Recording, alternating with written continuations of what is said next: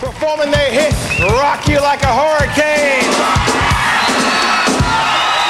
Please give it up for the Scorpions!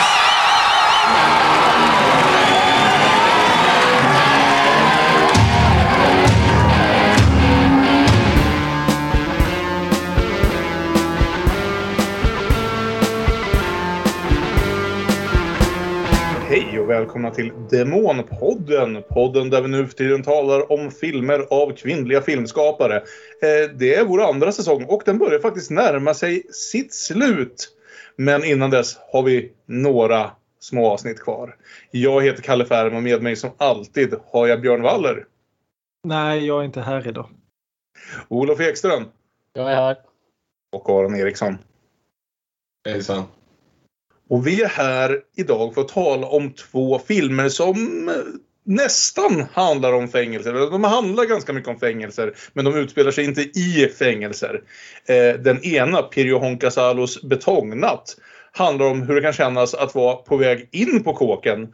Medan den andra, Lynn Sheltons Outside In, handlar om hur det kan kännas att precis ha kommit ut från kåken.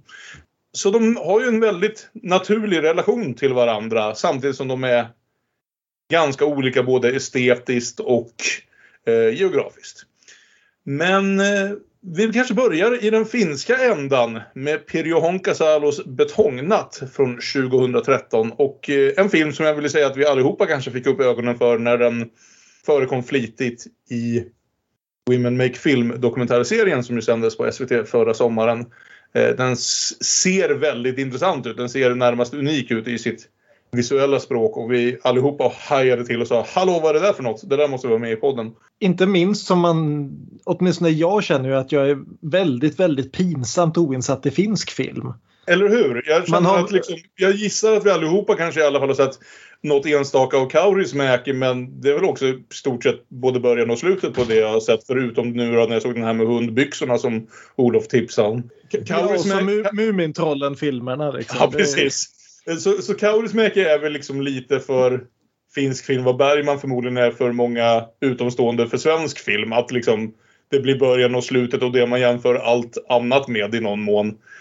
Så det här känns väl som egentligen typ den tredje finska regissör jag sett film om. Det finns en del hyfsade finska skräckfilmer men eh, inte minst Sauna från 2000, ja, någonstans 00-talet, slutet 00-talet. Men annars Ja, den här, den här med skräckfilmen med jultomten är väl också finns. Ja, ja, naturligtvis. Så att ja. det, det finns Eh, några bra skräckfilmer som Rare, du Rare säger. Exports, just det. Eh, Det finns några biopics jag har sett. Ja. Och det finns några krigsfilmer som jag har sett också tror jag. Ja, ja, för fan. Vänta, Vinterkriget. Alltså 80-talsfilmen om Vinterkriget Ja. är finska. Den har jag sett. Det var ju Så lite, lite har man väl sett.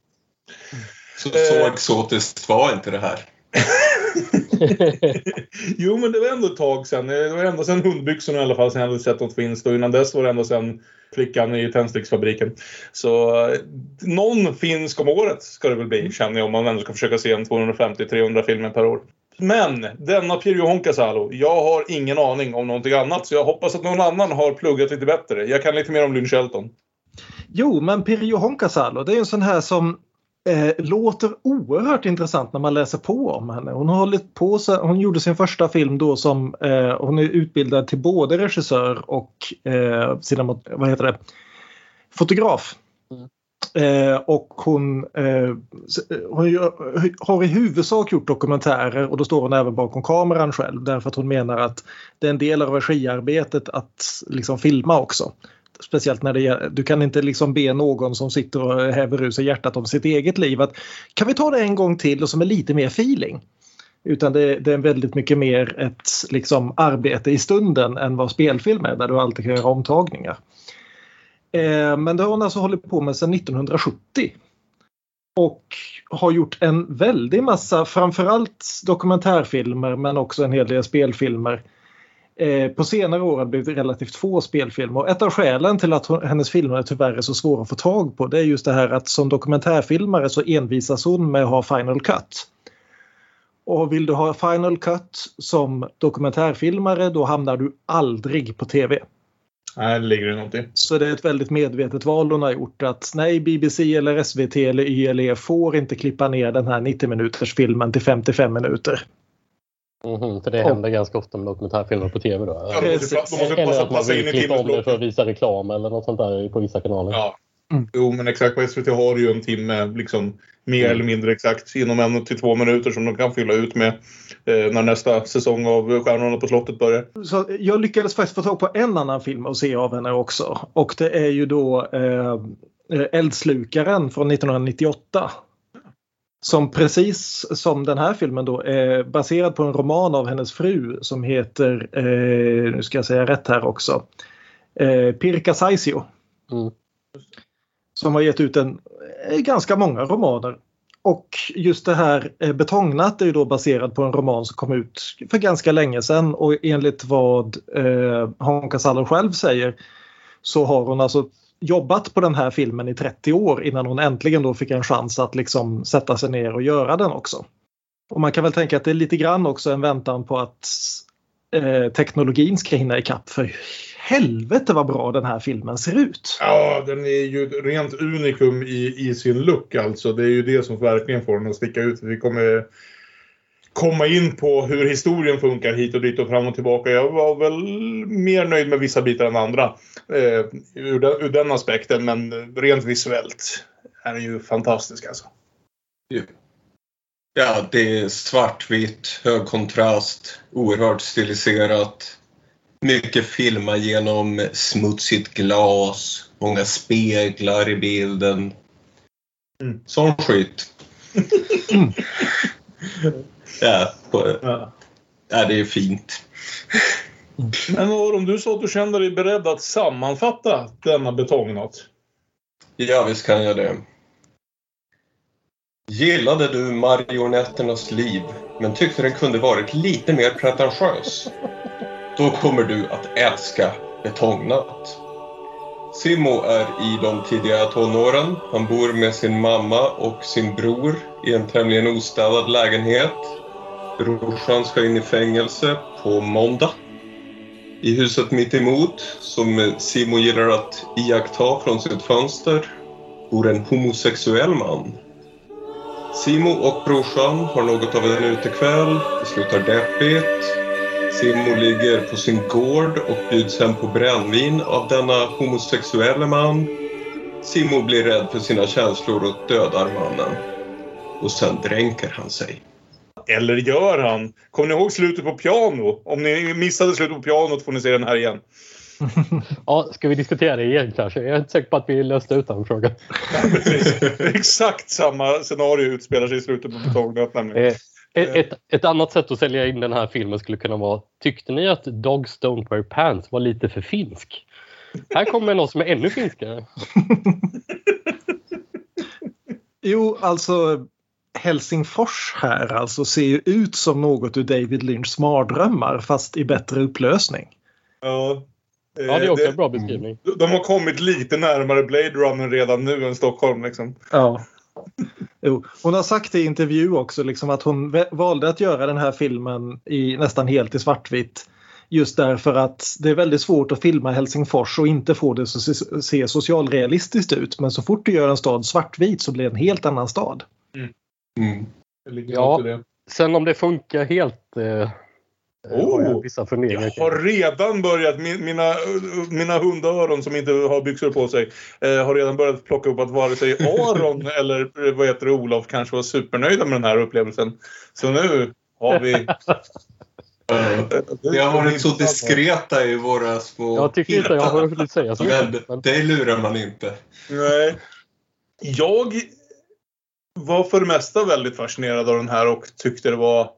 Något som jag tycker de här båda de här filmerna hade gemensamt var att de spenderar lite för lång tid på att sätta upp karaktärer och världen och sen så när det faktiskt blir lite riktigt drama av det i sista halvtimmen båda, i båda filmerna eh, så är det lite för lite kvar istället. Och att jag tyckte att det kunde ha skiftats om lite där. Lite perspektiv och lite ren historiestruktur. Men det ändrar inte att när en film ser så pass bra ut som eh, Betongnatt gör så kan jag förlåta den ganska mycket och eh, jag hängde med den här Ja, nästan och hela vägen ut. Och, och jag kan ju tänka också att bägge filmerna handlar ju om att sitta i fängelse om inte fysiskt så mentalt. Det är ju liksom två huvudpersoner som båda dels är fångade precis mittemellan barn och vuxenhet. Men också är fångade i, liksom den ena är på väg in och den andra försöker ta sig ur ett liksom inpiskat tanke, tänkesätt. Mm. Eh, och det kräver ju nästan att du faktiskt fångar publiken med dem i det där. Du kan liksom inte etablera det och sen släppa det och sen liksom lösa upp det i slutet utan det måste liksom det måste kännas betryckande. Mm. Nej, men jag hängde med den här filmen i ungefär en kvart och sen så tröttnade jag fullständigt. Okej. Jag vet precis när jag tröttnade. Mm. När en man på bussen kissar på sig. Då känner jag, Det är då "Aha, ja, det är sån här jävla skit. Närma, Sen satt närmade det sig den visuella stilen till trots närmade det sig realism lite för mycket för dig. Nej, ja, ja, kanske det. Eller någon slags edginess. Eh, Mm. Jag tror jag är för gammal för det här. jag, jag, jag invänder nog mot, mot... Jag tycker nog att det passade in i och för sig i, i, i filmen. Jag störde mig inte på det. Men, men, jag, men eh, just den kissande mannen. Jag tror att det som Aron är inne på är kanske ändå att filmen börjar otroligt starkt med hela den här mardrömsscenen och sen så sitter jag och väntar lite på, ja, när, när ska vi komma till, tillbaka till det här braiga i början? Som var så bra. Med Ja. mardrömsscenen. Ja, den här kickar ju igång med en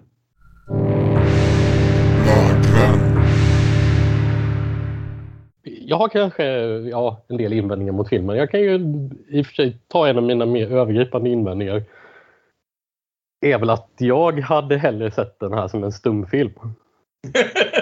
Eh, Ja. Det gäller ju de flesta filmer. Det kommer du säga nästa vecka när det är superhjältar också. Ja, jag hade, alltså det, det hade varit jättespännande för det, det, det visuella berättar i den här filmen och det, det industriella landskapet, alla de här jävla speglarna som jag tror Aron nämnde, de är skithäftiga. Eh, och hur alla granskar sig själva och varandra med, med så här blickar och kroppsspråk. Och det visuella säger någonting nästan hela tiden.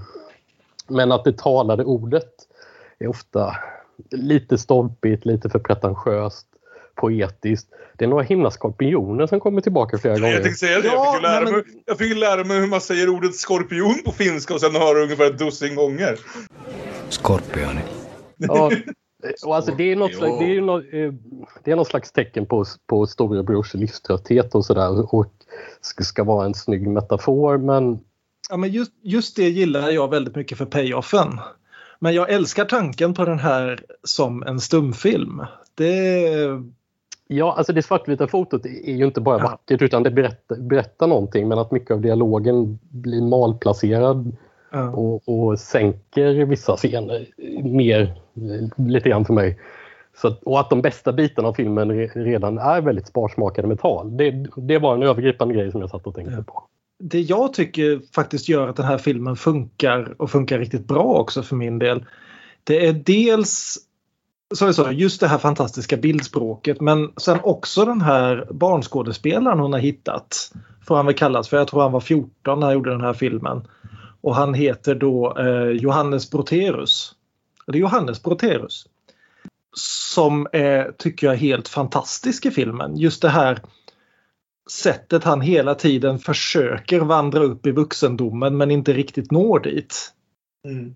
Jag så, såg en intervju med Honka Saldon berätta att eh, sättet hon gjorde castingen för den här rollen var helt enkelt att hon satte sig med alla de här 14-15-åringarna som kom in och så lyssnade hon på Sjostakovitjs Lenin- Leningrad-symfoni tillsammans med dem i tystnad. Och de som inte blev uttråkade gick vidare till andra rundan.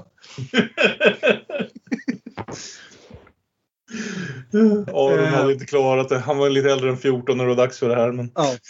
Nej, nej men så jag, jag tycker liksom det är en sån här film som lyckas använda det mänskliga ansiktet som en bioduk så att säga. Spel, liksom, håll Mm. kameran på ansiktet och låt alla känslor spela upp sig där. Mm. Och just alla de här spegelscenerna och alla de här scenerna där vi bara följer med den här 14-åringen som tror att han har fattat världen men inte alls har fattat den. Mm. Eh, när han liksom betraktar världen och tror att han förstår vad det är han ser. Jag gillar, även, jag gillar även skådisen som spelar brorsan måste jag säga. Jag fick en, det kommer lite senare i filmen än vad jag är där nu men eh, det här brodersförhållandet påminner mig lite om, om, om ett par bröder jag faktiskt brukade känna. Och eh, den här äldre... Är det jag och Staffan? Nej, det är inte du Staffan. Jag, jag drog upp lite gamla minnen av en av de mer obehagliga personer jag faktiskt har känt och behövt spendera lite tid med. Som jag inte tänker nämna. Det är inte du. Eh, så, så eh, i det fångade han ändå något som jag väl kände igen själv liksom. Eh, där jag verkligen hade liksom eh, en vän som hade en äldre brorsa som hade gjort någon tur på kåken och fortfarande höll på med liksom lite småstölder och mm, lite hasch hit och dit. Och, just framförallt de här lugnare scenerna när man då ska sätta sig ner och prata med en person med liksom det, det livet och den bakgrunden. Inte minst den här, eh, de här scenerna som brorsan har ute på krogen sen när de ska sitta och faktiskt försöka snacka med varandra. Var så jävla påminnande om just det. Så jag tyckte faktiskt att han fångade något där, den här skådisen. Jag har bara ett fråga. Eh, Att Ja. om en livstrött, knarklangande, alkoholiserad, medelålders arbetargrabb Ja. ska citera pretentiös poesi, även om han har skrivit den själv, ville jag ha lite mer backstory till detta. Ja men herregud, han är finne och han är full. Vad, vad mer behöver du för backstory? Det bara flödar. Poesin. Mm. Ska vi försöka gå igenom? Det här är, så att säga, det är ju en film med långa, långa tystnader så det finns väl inte så mycket. Jag vet inte var man Ja, stannar men vi kan ju börja med den här eh, Mm. mardrömmen.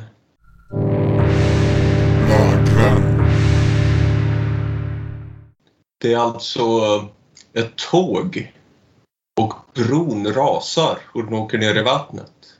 Och vi vet vad en, ett tåg betyder i en dröm. Det är sexuellt. Den spårar ur. Simmo är gay. Tror jag är vad den här drömmen säger oss. Det är väl vad hela filmen säger oss i och för sig. Men, ja. Precis, men vi får veta det på ett ganska snyggt sätt i början och sen desto mer klumpigt. Ja, alltså ett av de större problemen med den här filmen rent, visst att inte de här liksom arbetargrabbarna kommer vara de som uttrycker sig mest, eh, mest skickligt eller eftertänksamt. Men är väl att den här mannen som eh, Simon sedermera mördar hela tiden bara beskrev, beskrivs som liksom homosexuell eller om man vill med stora kaninöron på att deras ord inte mitt, bögen. Eh, men Och det är väl lillkillen som kallar honom för det i och för sig, va? Ja. som ett sätt att distansera sig. Men Jo. det, jo, men det de menar är ju snarare pedofilen, även av det vi får se liksom senare vissa Ja. antydningar till och så vidare. Vilket är betydligt mer problematiskt än liksom bara en homosexuell man. Mm. Ja. Stämmer det att han är det, pedofilen? Det är lite... Det är lite oklart ändå. Men... Det är lite oklart. Ja, men det- men det är oklart åt fel håll, tycker jag. Så mycket som Ja. någonting antyds i den här filmen så tycker jag nog att det antyds precis lika mycket. Ja, okej. Jo, jag kan köpa det. Ja, men den här fantastiska drömsekvensen då där han flyter omkring i det här dränkta tåget bland maneter och sjögräs och eh, tågstolar och tågfönster och försöker ta sig ut ur det här tåget. Visst, det är inte en speciellt originell drömbild men den är så jävla snyggt gjord och Mm. jag menar herregud hur jävla originella är de flesta 14-åringar ändå?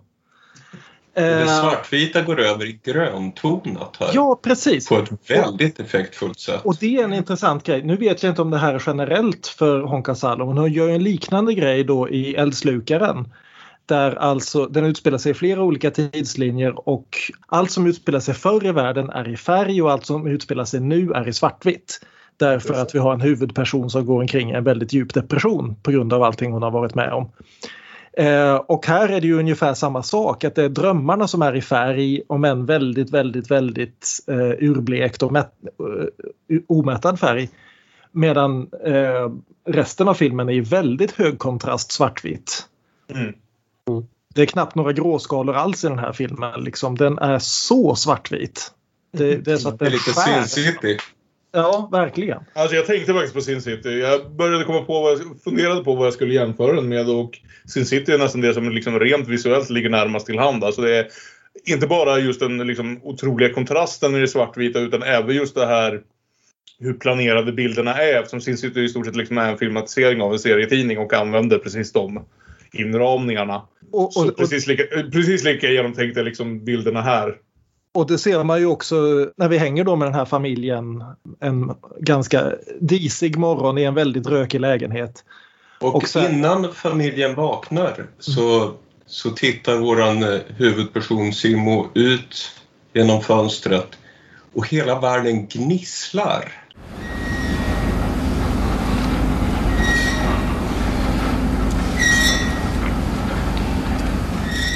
Ja. Det börjar väldigt snyggt med den här gnisslande lampan som åker fram och tillbaka och det känns verkligen hela världen gnisslar. Ja. Så Och- än så länge, fantastisk film.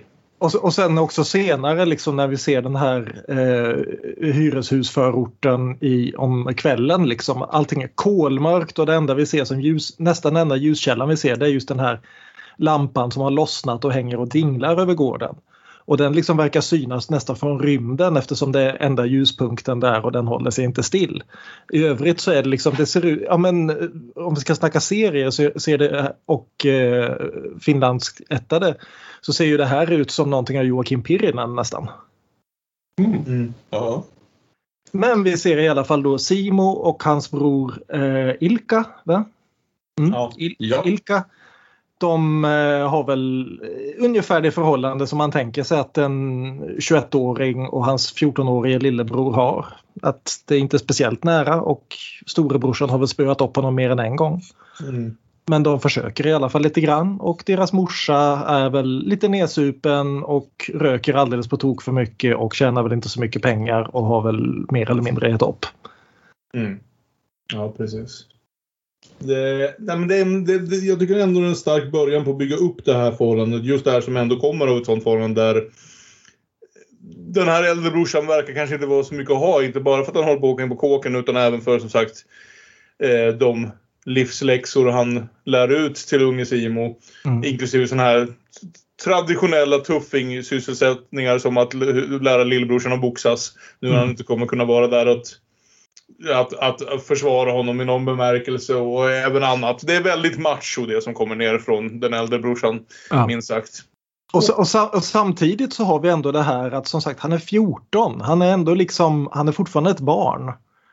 Som till exempel just det här då som kommer strax efter att Aron ger upp när eh, Simo och hans kompis som jag inte tror får något namn, åtminstone inte i dialogen, åker in till stan och åker ut till hamnen och sätter sig där och bestämmer sig för att helt enkelt klä av sig nakna och klättra upp i en kran.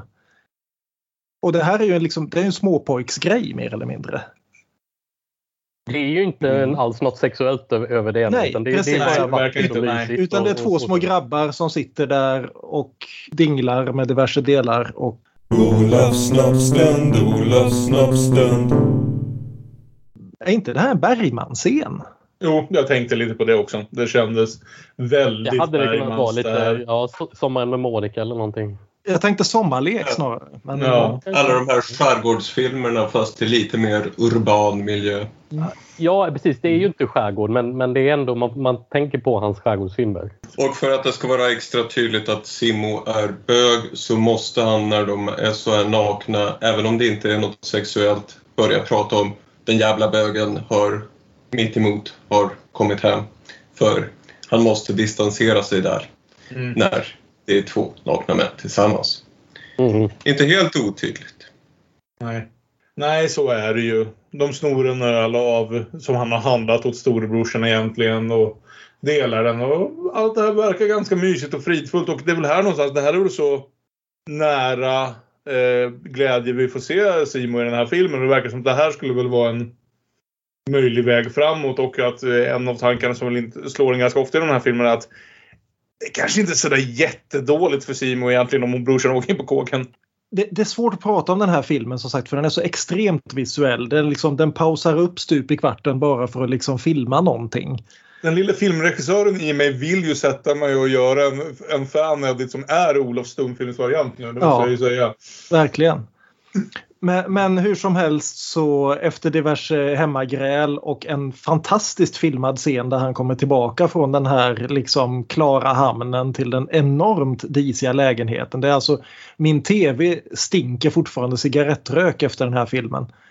Eh, så eh, bestämmer de sig i alla fall för att morsan måste på dejt och Simo och Ilka ska hänga ihop sista liksom 48 timmarna innan brorsan åker in i fängelse.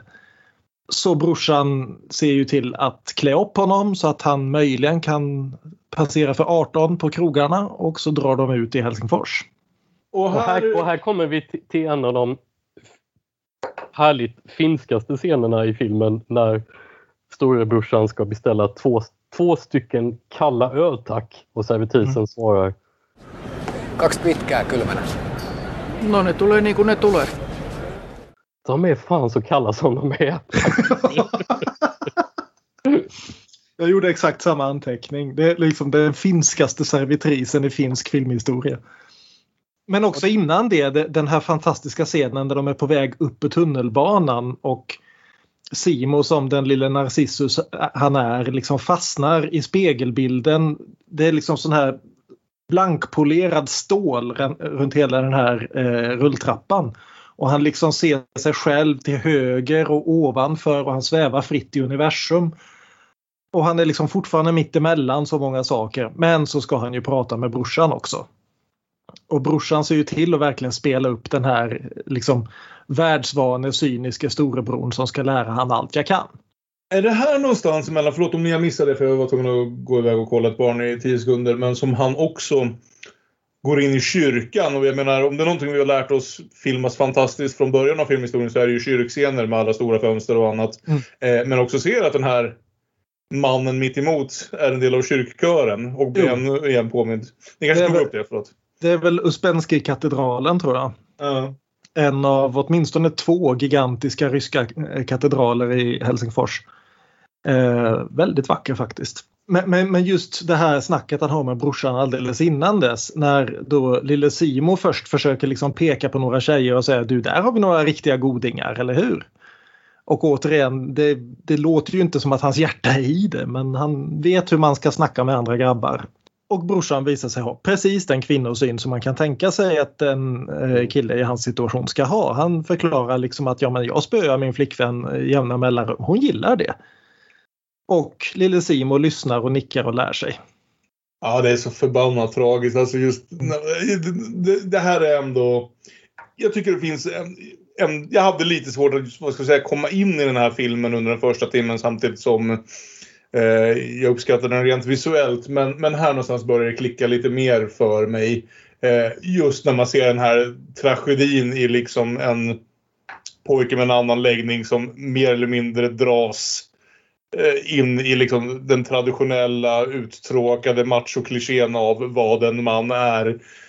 Ja men Eh. också det här att det är så tydligt och blir väldigt Mm. tydligt när vi då får liksom om en liten stund få Ilkas bild av vad de har snackat om. Ja. Eh, att han spelar ju precis lika mycket som lillebror. Han Mm. överdriver ju. Han liksom tar i från tårna för att framstå som en riktig jävla kar för han ska in i fängelse i nästan ett år. Han mår inte bra över det här. Nej, precis. Han säger till och med vid något tillfälle liksom, när lillebrorsan frågar kommer din flickvän att hälsa på dig när du ska dit? Och han svarar jag är redan där. Alltså, Vi- det vi- vore- Vilket också är en ganska klichémässig replik men återigen de här är inte författare de här grabbarna. Nej, nej. Och det, Det var en av de bättre replikerna i filmen skulle jag säga. och, och, och det ställer ju ändå frågan omkring all sån här jävla toxisk manlighet som vi liksom så har vant in oss vid över århundraden. Vilka är liksom the keepers of the flame på det här egentligen? Hur många människor går omkring och verkligen känner att de är så här manliga? Och hur många fler är det som egentligen bara försöker spela och leva upp till något låtsasideal som vi har lärt oss om? Liksom? Om alla går omkring och låtsas vara macho, vem fan är det egentligen liksom, den manlige? Och eh, jag börjar, ja, hela den här, liksom, den här scenen när de faktiskt får sätta sig ner och ta en öl och snacka med varandra. Mm. Här började det klicka ordentligt för mig. Som sagt, inte minst för att jag började tänka tillbaka som sagt till vissa ungdomsvänner och hur de Ja. hade det med sina brorsor och så vidare. Så eh, här- började det fungera riktigt bra för mig. Ja, Kan jag få höra lite kärlek om de här skorpionerna då också? Mm. Jag hatar, inte, jag hatar inte skorpionmetaforen. Inte lika mycket som... Alltså, visst, det blir, den tar upp en väldigt stor del av det, men jag ser ju... Jo, nej, nej, men det här är ju verkligen liksom när du är 21 år och tror att du har genomskådat hur världen funkar. Ja, men exakt. Det är det, Det, det är liksom också. det här att mänskligheten är körd, vi kommer att dö allesammans, vi är korkade som bara tror på en framtid och inte lever i nuet. Mm. Det, det här är ju liksom till lika delar raggningsreplik och eh, dra åt helvete replik liksom. Mm. Det är så socialdarwinistiskt du någonsin kan bli liksom. Att han förklarar att vi kommer att leva länge nog för att se allting flyga i luften och sen så kommer bara skorpionerna överleva och ta över och bygga bon i våra ögonhålor. Mitä huomista ei tule. Viimeinen kuollut sukupuuttoon tulee skorpioni ja valtakunta. Näin sanotaan vanhoissa kirjoissa. Skorpioni on ainoa eläin, joka kestää esimerkiksi ydinsäteilyä. Skorpionit syö ihmisten raadat.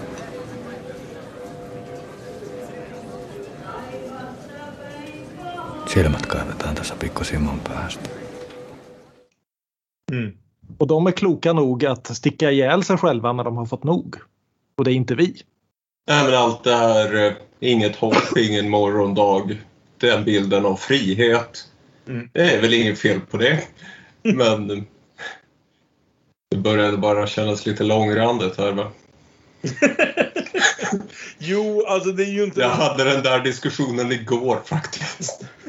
Alltså det är ju en film som kunde ha behövt hitta sin driv lite tidigare. Det blir ju inte riktigt som att vi förs in i en traditionell dramatisk handling som driver oss framåt förrän vi är i sista tredjedelen, i tredje akten liksom. Du hittar ju ett driv här. Det, det var ju precis vad jag kände att ja, nu går det bara på tomgång. Ja, för det, för det Ja, jag, känner- det jag hör också är ju, är ju att det, det är den här ölscenen mellan brorsorna som man kanske är meningen att man ska fastna för, för ka- karaktärerna och, och därmed historien lite grann och jag gjorde nog inte det riktigt. Och allt det där du säger om oh, vem, vem tror egentligen på machoidealet, alla bara låtsas. Ja men det vet vi ju redan. Mm. Det har vi sett bättre berättat. Mm. Jo, alltså bättre. Alltså, jag säger inte det bästa det någonsin har gjorts, men jag tycker det fungerar något så väl här. Eh, Just det här att han börjar som... som Men jag tyckte det var skit. ja, men då så. Vad bra. Fittopark eller? Ja, det här är vem som kan vara macho.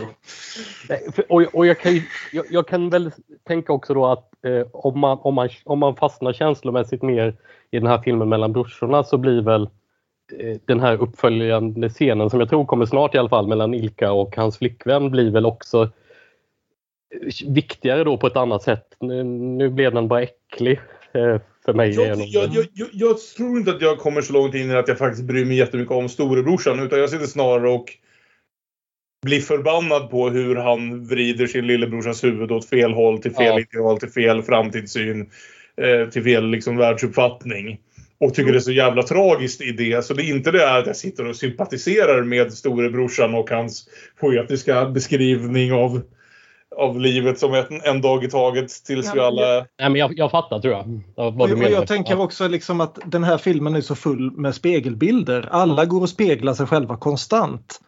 Och de speglar sig också i varandra. Och det känns ju inte som om Ilka egentligen ens ser lille Simon när han sitter och pratar där över ölen utan han liksom pratar ju för sig själv. Mm. Och det får vi ju reda på sen också att han har inget minne av att han ens har sagt det här. Det här är bara jävla fyllesnack. Ja, precis. Det här är liksom sånt där man säger på åttonde ölen när man är djupt deprimerad och ska krypa in i fängelse på måndag. Liksom. Han vill bara liksom intala sig själv att världen är skit. Mm. Och, och att han liksom har inflytande på sin lillebror, det är ingenting han ens tänker på. Och vi, vi har, jag vill bara kort nämna här att vi har en fantastisk scen här då, då, efter att eh, Ilka har åkt iväg med några kompisar halvt mot sin vilja.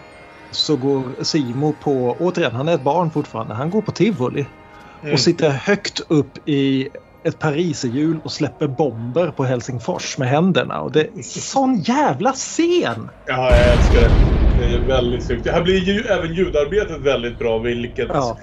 Det, får bli en sån här stumfilmsklippning, Olof, med lite ljudeffekter inlagda här och där. Det där gnisslet i början och eh, det går igenom. Det, Det är så väldigt det, det mycket- tyckte till och med jag om. Jag, jag, jag Ja, det, det, här kan, för- det här kan för all del, det hade gärna fått vara en Charlie Chaplin-stumfilm med, Ja, med ljudeffekter och musik. Ja, exakt. Nej, men för... eh, Jag, om man säger så här, det kändes för återkommande för att dra jämförelsen med, med, med liksom det kraftiga, kraftigt kontrastade svartvita fotot och sådär att börja prata om David Lynch och Eraserhead igen. Men, men ljudmixen är ändå ganska lynsk. För om det är någon som vet hur vi Ja. använder överdrivna ljudeffekter för att fånga oss i liksom för att förvandla en vanlig värld till en mardrömsvärld i liksom en handvändning så är det ju så Lynch jobbar egentligen i de flesta av sina filmer. Hur som helst så bara för att komma framåt lite grann här så går vi ju in i parallella handlingar då där vi följer Simo och Ilka. Att Ilka åker till några kompisar och snackar om, försöker snacka igenom det här att han ska in i fängelse och de tycker det var väl jävla dumt att åka fast för en sån grej. Eh, och får då reda på att hans flickvän redan har börjat vänstra på honom eftersom han ändå ska in i fängelse. Och, men trots allt hans snack förut om att man ska spöa upp kvinnor så gör han inte det. Han är, jäv, han är fullständigt rö, rövhål mot henne. Mm. Men han spöar inte upp henne inte. Det är inte den positionen han är i riktigt. Nej, men han förnedrar Det är hennes Ja, det- rövhål mot honom för att Precis. vara exakt. Exakt. Men han framstår i alla fall inte som den här kaxige liksom, alfahanen som har allting under kontroll inklusive sin kvinna. Nej, det är väl i sig sant. Och under tiden så åker Simo hem, grälar med morsan och eh, springer sen ihop med den här homosexuella killen i, från Mm. gården mitt emot som bjuder upp honom på lite brännevin. Men först har han en, eh, en, eh, en snoppstund av offentlig konst tror jag. Som är, som är, eh, som är rätt fin. Mm. Ja, det Eh, var en bra utläggning. Jo precis, han, har eh, så, som, som, en, som en, liksom, eh, en, en inledning till att han ska då träffa den här bögen så, så, så eh, ser han ju en, går han förbi en penis väl först på en, en betongvägg. Ja precis, Mm. han, han har ju spraymålat en penis på eh, bögens trappuppgång. Ah, det, han, det var han själv som hade ritat den? Eh, han förnekar att det är han, så det är han. Ja, okej. Ja, just det. Och, återigen, vi, Och- och säger, vi, säger, vi bögen för det är det enda namnet han får i filmen. ja, Ja, exakt. Det känns lite Det är- obehagligt varje gång man gör Ja, det. Men, vi, vi men kanske borde säga något annat. Men den, ja, ma- mannen mitt emot. Vad heter Ja. fotog- fotografen kan vi kalla honom. Fotografen kan vi kalla honom. Ja. Som men- sagt, men- bögen håller här ett fint tal om hur upproret har estetiserats, marginaliserats och kriminaliserats. Ja, och man, Det tycker jag är en väldigt fin tolkning av den här penisen klottrad på väggen. Ja, för om man, om man ser en penis på en betongvägg så förenas det estetiska och den kriminella världen. Mm. Det tycker jag var vackert. Ja. Men sen samtidigt som sagt att han verkar ju vara intresserad av pojkar som inte nödvändigtvis har fyllt 18 än. Eh, Så det finns ju en, en ganska liksom självförhärligande grej i det här liksom att framhålla det, det estetiska och det lagvidriga som något eh, upproriskt. Inte minst till en 14-åring. Som uppenbarligen inte är speciellt glad just nu eftersom han ligger och gör snöänglar i rabatten utanför sin mammas hus. Och det, och det här utspelar sig mitt under högsommaren ska vi säga också. Det här är ett varmt Helsingfors vi ser. Och om, Eh. du tänker, om du tänker ibland på, på, på Finland som ett lite mer vad ska vi säga, ideologiskt konservativt land så är det ju lite problematiskt att ha den enda... Alltså, den här jävla sammankopplingen av homosexuell med pedofil är ju en sån vanligt förekommande nidbild att jag har lite eh, agg mot den på, liksom, Mm. på ren princip. Eh, Det behövs väl här någonstans och vi får aldrig helt bekräftat och så vidare. Va? Utan det är helt klart att det, det som sker är en överreak överreaktion minst sagt. Det kan ju vara, precis, alltså det finns ju ändå en tolkning där det sitter mer i huvudet på den unga grabben. Ja. Ja, och jag kanske lutade lite mer åt den. Ja. Men, men, men absolut, det, det går att tolka det åt båda hållen. Ja, så jag, jag vet inte. Jag känner inte riktigt det här. Kanske jag känner att balansen av det gör mig lite obekväm. Ja, Eh, Sen, sen ska vi ju säga att filmen är både skriven och regisserad av ett lesbiskt par. Liksom, så det, ja, också att historien är 40 år gammal, vilket Mm. möjligen skiner igenom ibland. ja. det kanske snarare det. Precis. Ja. Det kanske är där det är. Mm. För att grundhistorien är ändå 40 år, 40 år gammal. Jag, jag, ibland får jag en känsla av att det inte har uppdaterats tillräckligt bra. Mm. Det, kan här ligga- kanske är ett sånt exempel. Nej, nej, för hela det här pratet som fotografen då håller för Simo det är ju det låter ju betydligt mer hoppingivande än vad det hans brorsa har sagt tidigare samma kväll. Men samtidigt så är Och det ju... det är den här typen av skit som gör att man ger upp på hoppet och börjar ropa ingen morgondag. Mm. Det finns bara två saker i världen, kärlek och rädsla. Man må, för att, och så börjar jag citera Bibeln också. För att finna sig själv måste man först förlora sig själv och bla bla bla. Och börja prata, vad har du för visioner av framtiden? Och då svarar ju Simon förstås Niin, mitä sä näet? Sk- skorpioneja. Skorpioneja? Joo. Kyllä. Det är ett av de få liksom verkligt asflabb ögonblicken. Liksom fotografens reaktion när han säger skorpioner. Och det liksom Jaha, skor- det är liksom, din vision av framtiden är skorpioner. Men det är ju ett väldigt dåligt tal han har här, Ja. pedofilen. För dessutom motsäger han sig ju, för han går att grunden till rädslan är alltid ovetande. Så då finns det alltså kärlek och ovetande om rädslan alltid är ett derivat. Jo. Och, och, och det är ju en väldigt obehaglig scen också att han hela tiden är i... Att få lyssna på så dålig filosofi, eller hur? Jag lider. Ja, dels det. Och, och väldigt liksom vriden filosofi specifikt för att komma fram till ett mål. Men också det här sättet han hela tiden befinner sig liksom fem centimeter från Simo och man tänker dess, dessutom liksom att finländare trivs med 4-5 meters avstånd. och det får han ju verkligen inte här. Nej. Så han vill fotografera honom och han blir, får ta några bilder. Han vill fotografera dels med en krans på huvudet för att, respektera, eh, för att representera barndomen och oskulden och dels med en hjälm på huvudet för att representera att alla unga pojkar blir gjorda till soldater av samhället. Och han har ju sina egna mål att komma till det här också. Ja, exakt. Och det slutar med att han trycker det lite för fort och Simo slår tillbaka med all internaliser- internaliserad homofobi han har i sig. Ja, och även liksom efter att det uppfattade hotet är neutraliserat så att säga. Han, eh, det går ju verkligen till liksom över från uppfattat självförsvar till liksom totalt exploderande övervåld här. Mm. Eh, där han fortsätter sparka honom. Det är, alltså, vi ska säga så här. Jag har vissa rena problem. Både med att jag tycker att den här scenen är lite lång och taffligt filosofisk och sen eh, som sagt eh, hur, hur, hur väl den här bilden av den homosexuella pedofilen egentligen känns nu för tiden. Det är ändå en jävligt liksom när den här våldsamma vändningen kommer så rycker jag ändå till. Det är väl utfört som allt annat i den här filmen. Väl filmat på ett sätt att jag är ju engagerad i stunden och sen kan jag problematisera det efteråt. Men, men det är ju jävligt skrämmande när det sker så att säga. Och återigen sättet hon använder ljud här. Ja. Liksom att han har satt på opera och har medan de fotograferar. Och liksom just ljudet av operan som går genom allt det här inklusive hans liksom, han ligger och kvävs på sitt eget blod. Mm. Och sen när plötsligt den här arian tar slut och Simon står där helt ensam i den här tysta lägenheten med en död kropp och hör liksom bara husets ljud runt omkring sig. Ja, det är ju tråkigt att vara det negativa, men eh, min anteckning säger mord, bla bla. Så jag var inte så investerad. Mord bla bla. Där, där har vi en deckartitel i, inte ens mord plus opera bla bla. Ja, det, det, där, det där kan du göra en hel jävla deckarserie på. Ja, alltså, ja precis. Aron, du, du, du kan ringa Piratförlaget förlaget imorgon och bara säga opera? Frågetecken. Punkt, punkt, punkt.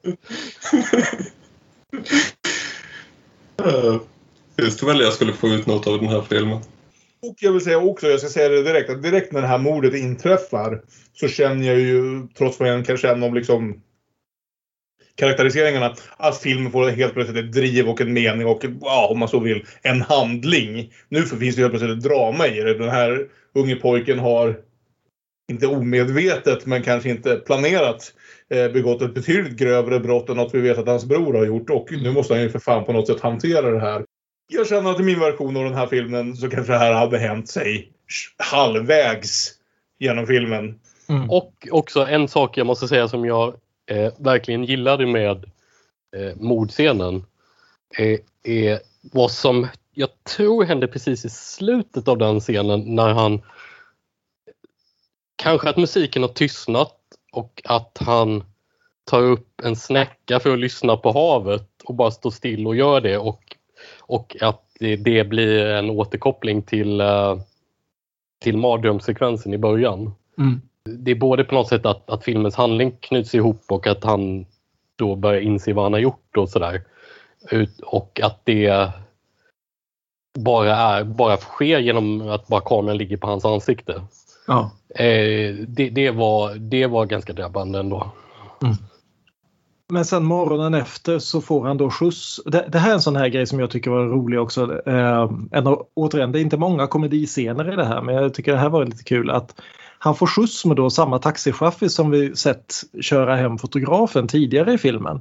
Mm. Och taxichaffisen drar exakt samma monolog. Ja. Han, har, han har uppenbarligen en monolog som han drar på. precis alla kunder. Ja, okej. Mm. Och han sä- säger åt, att, säger åt Simo att ja, men oss män emellan, du är på rymmen, inte sant? Och Simo liksom shit, har jag åkt fast redan? Och nej, men du är på rymmen från mamma, eller hur? För han liksom ser ja, en 14-åring u- som är ute klockan fem på morgonen. Vad fan håller du på med liksom? Ja.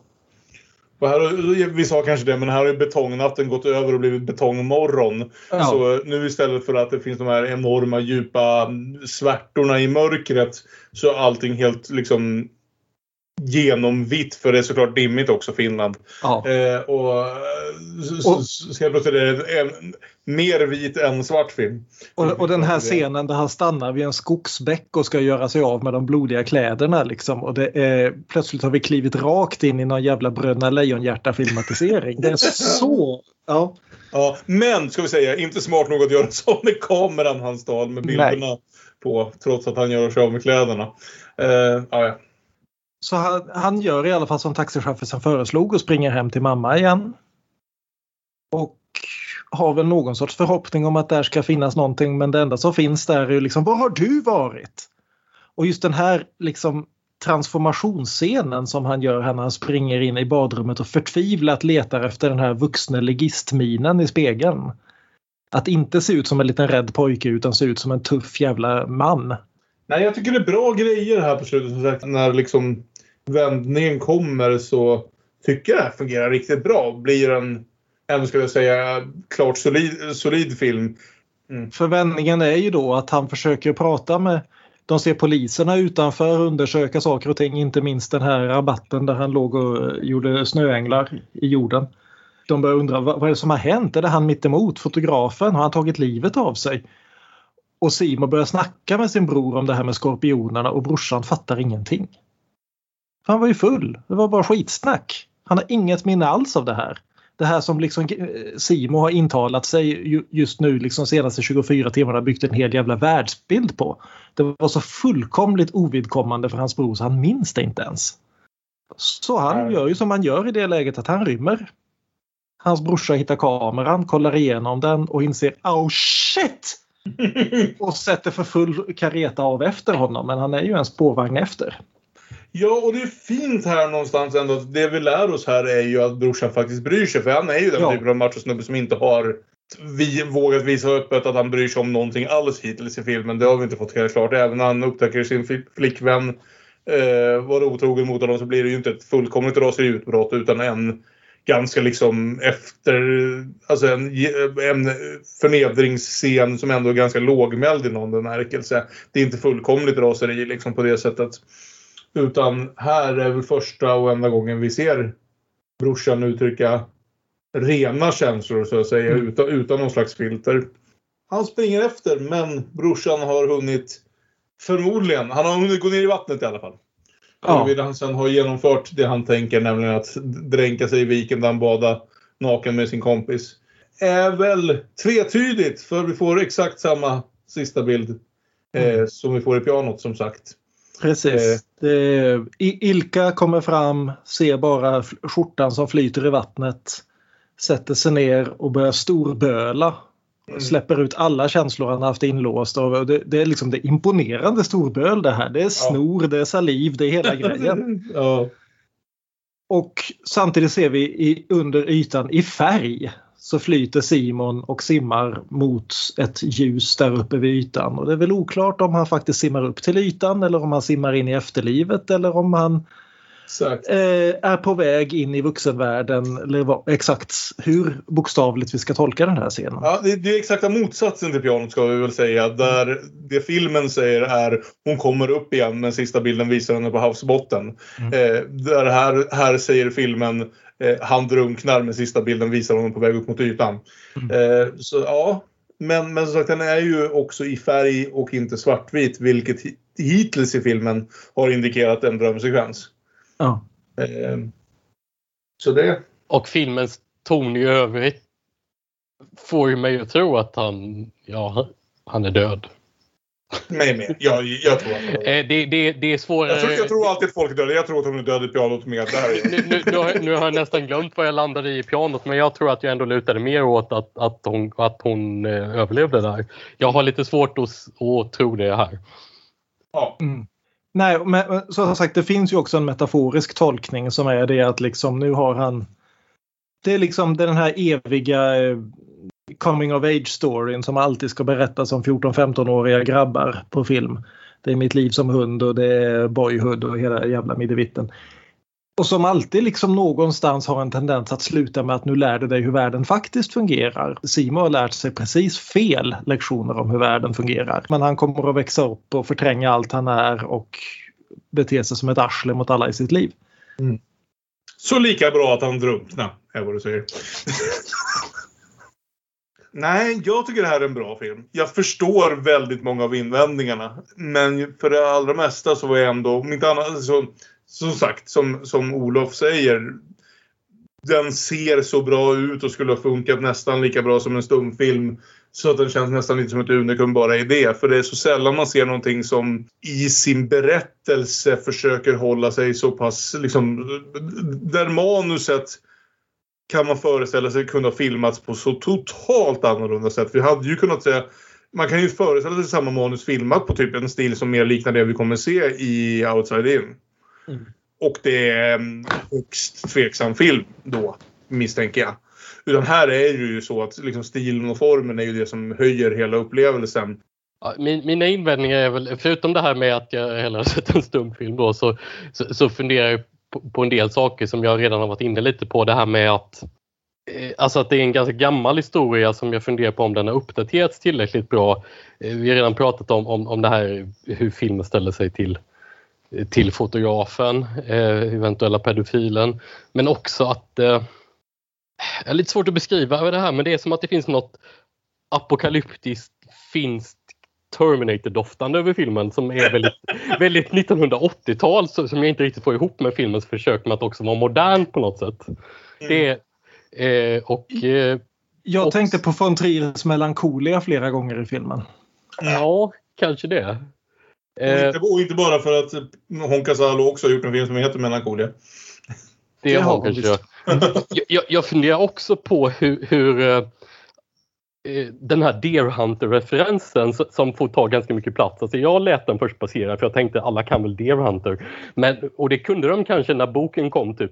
Exakt. När en 14-åring helt plötsligt börjar identifieras med just Christopher Walken i Deer Hunter av alla människor. Ja, och när, och när romanen kom så var det säkert superaktuellt. Men jag vet inte om det är det 2014-15 när den filmen kom. Det var, en, det var en annan grej som jag tänkte på. Det ligger något i det. Vi kan ju nämna också att det, fi- det finns en väldigt tydlig Deer Hunter-referens också i då den här andra Honkasalo-filmen jag såg, Eldslukaren.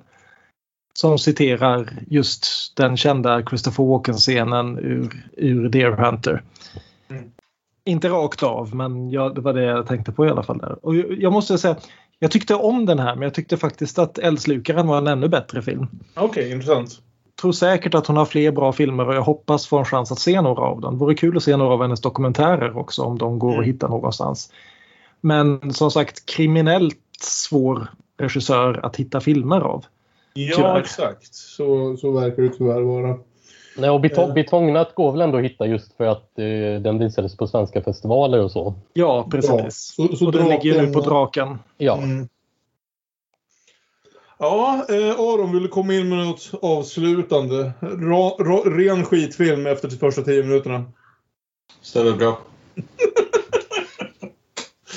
Ja, men då så. Då tar vi lite pausmusik och återkommer med en diskussion om Lynn Sheltons Outside In.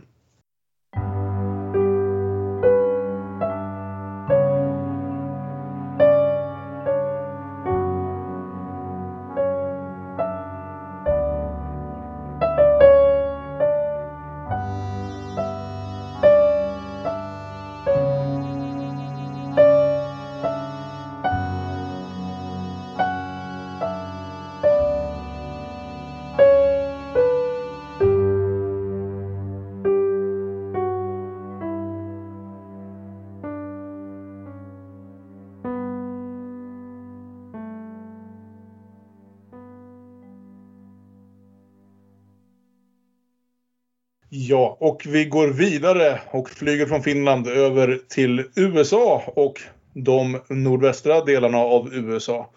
Eh, där vi ska titta på Lynn Sheltons Outside In. Eh, där Betongnatt i viss mån var en film om hur det kan vara att eh, vara på väg in i fängelse. Så är det väl helt och hållet en film om att komma ut ur fängelse efter väldigt lång tid. Eh, men vi ska börja med att prata lite om Lynn Shelton som ändå, vad ska vi säga, på det stora hela skulle jag vilja påstå en lite mer uppmärksammad och berömd regissör än, än vad Pirjo Honkasalo kanske är. Eh, framförallt på världsscenen. Eh, och eh, sorgligt nog eh, extra uppmärksammad nu det här senaste året eftersom hon eh, gick bort på tok för ung vid 54 års ålder eh, under pandemin men inte av covid-19 utan av leukemi. Ja, ganska akut leukemi också som jag förstår. Ja, att, att, hon, att hon var odiagnostiserad fram till en vecka innan hon dog. Hon var ju i ett längre förhållande med, med komikern, skådisen och podcastaren Mark Maron eh, sedan några år tillbaka. Och eh, om någon av någon anledning, jag lyssnar på Maron ganska regelbundet eller så ofta han har en intervju med, med, med en person som jag har något intresse av. Så det, han har ju talat väldigt öppet och direkt om precis vad som hände och hans känslor kring det. För han har ju också varit väldigt öppen med att podden, så som det kanske är för vissa andra av oss, eh, fungerar som någon sorts självterapi även för honom. Så han behövde ju verkligen som, som, som tidigare drogberoende och annat prata ut om det här när det hände. När han liksom en dag hittade sin flickvän sen flera år tillbaka kraftigt sjuk. En ambulans tog i henne och sen så eh, såg han henne aldrig igen. Så, så det finns väl dokumenterat där för den som liksom verkligen vill veta sådana saker eller bara liksom jag ska säga så här, det är, inte rolig lyssning Den på som något bara sätt, vill men- gråta en stund. Ja men exakt. Alltså, det, det är inte rolig lyssning Mm. på något sätt men det är fruktansvärt tragiskt och gripande att höra det berättas. Särskilt eftersom Aaron liksom gjorde det här lite allt eftersom och återkommer till det under i stort sett hela året. För hela det första året efter och liksom de första inspelningarna i stort sett hände bara någon vecka efter att det faktiskt har hänt. Det, det, det, är- det är jävligt jobbigt men det är också någonting som jag någonstans eh, tar med mig och känner det var, var, var, var något viktigt att få höra. Det var, det var ett, en berättelse om att uppleva döden som kändes nästan unik just i det i hur direkt och berörande den var. Mer så skulle jag kunna argumentera för än Lynn Sheltons film Outside In. Eh, en film som jag hoppades skulle beröra mig lite mer än vad den kanske gjorde. Jag tänker inte gå så långt att använda Arons ord om betongnat eh, skitfilm. Men jag kan väl säga en lätt besvikelse till film. Kanske jag skulle kunna säga. Det här var ju jättebra. Ja, toppen! När hon dog, eh, Lynn Shelton, hon hann väl ganska precis att färdigställa sin sista film som jag tyckte mycket om och eh, nominerade som en, gissar en tredje film för ett tag sedan. Mm. Eh, Sword of Trust. Har ni hunnit Ja. se den? Jag såg den här om dagen. Tyckte väldigt mycket om den. Det är nog faktiskt av de Lynn Shelton-filmer jag har hunnit se så är det nog min favorit till och med. Ja, Så, vi- vilket gör saken ännu värre att det känns som att hon var en regissör som fortfarande var på tillväxt liksom. Ja.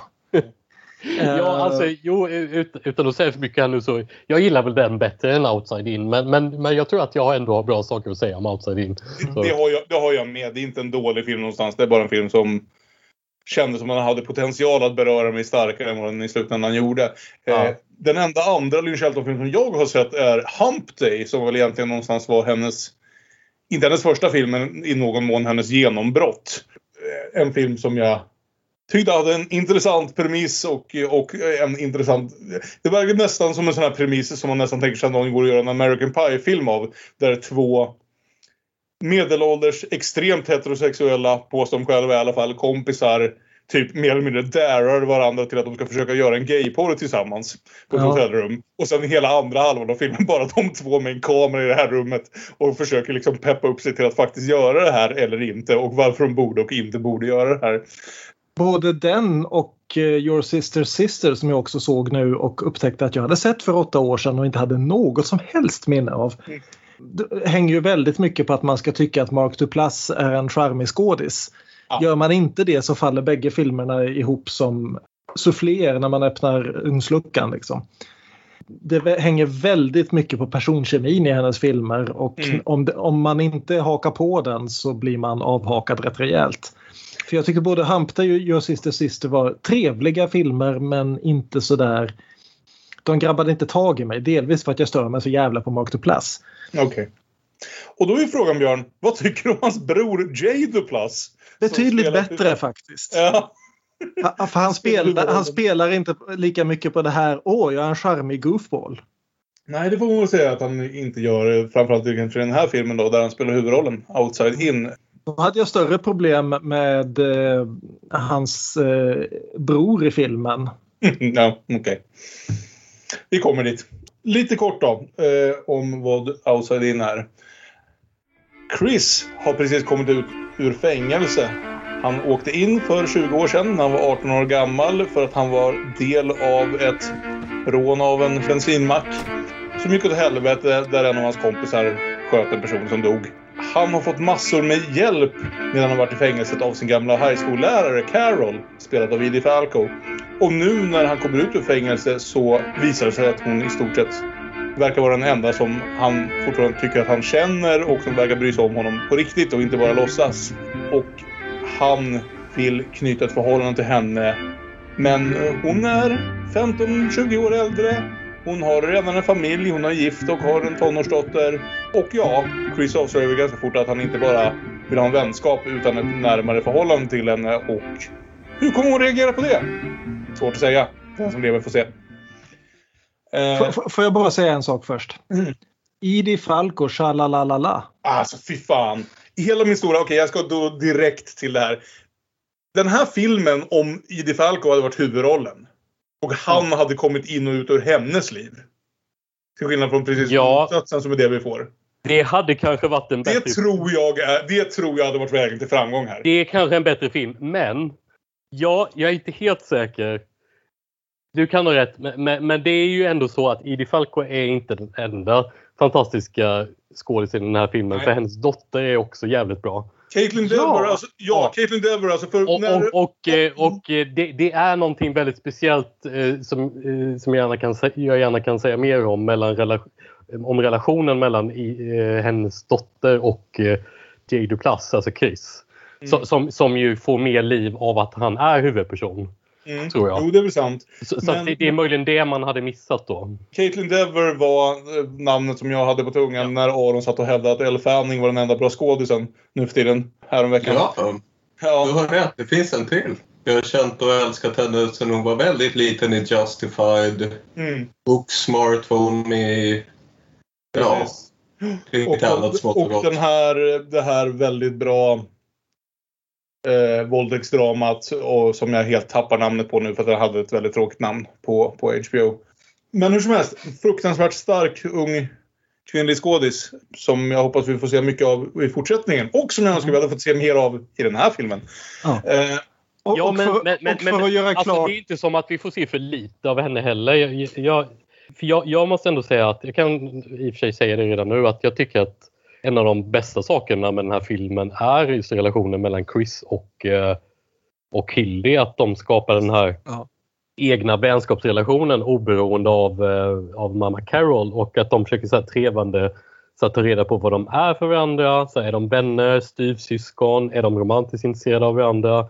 Och att det är så här en relation som så här, passar på gränsen av att vara olämplig men aldrig riktigt blir det och att det är så skönt att, att slippa se det bli olämpligt. Och, och, och, och att, att, att istället få se någon ganska fin och om en jättekonstig relation utvecklas mellan dem. Jag, det, var det, det var en riktigt härlig grej med filmen. Och, och för att då liksom fullborda castet om, äh, snacket om casting här så är det alltså att hon har castat som Chris bror så har hon alltså castat Ben Schwartz. Och Ben Schwartz var är en gudabenådad komiker. Och det finns få människor som... Det är liksom, har du lyckats med att skapa en karaktär som blir så jävla ikonisk som Jean Ralphio i Parks and Rec, då är du en bra komiker. Mm. Men jag kan inte se Ben Schwartz i en seriös dramaroll. Jag bara kan inte. Jo men det är ju helt underbart Björn. Alltså, för har man sett Parks and Rec, det är ju jättesvårt att tänka bort som du säger. Tommy T, you just missed the craziest of crazies. Clubs, girls, dancing, naked, mom, argument, police, fleeing the scene, hiding in a dumpster, coming here, crashing on your couch for a week because technically I'm homeless. Hey, mustache, I'm gonna hit the couch. You know where I be. Men han spelar ju så totalt annorlunda här. Så, så liksom helt... Ja, ja han, är, han är jättebra. Alltså det är inte, han. inte bara, Han är dead, fantastisk, Inte bara, det är men- inte bara en eh, deadpan komediroll. För han är ju knappt att han är rolig. Nej, alltså Ben Schwartz agerar byxorna av sig. Ja. Och jag kan fortfarande bara se Jean Ralphio.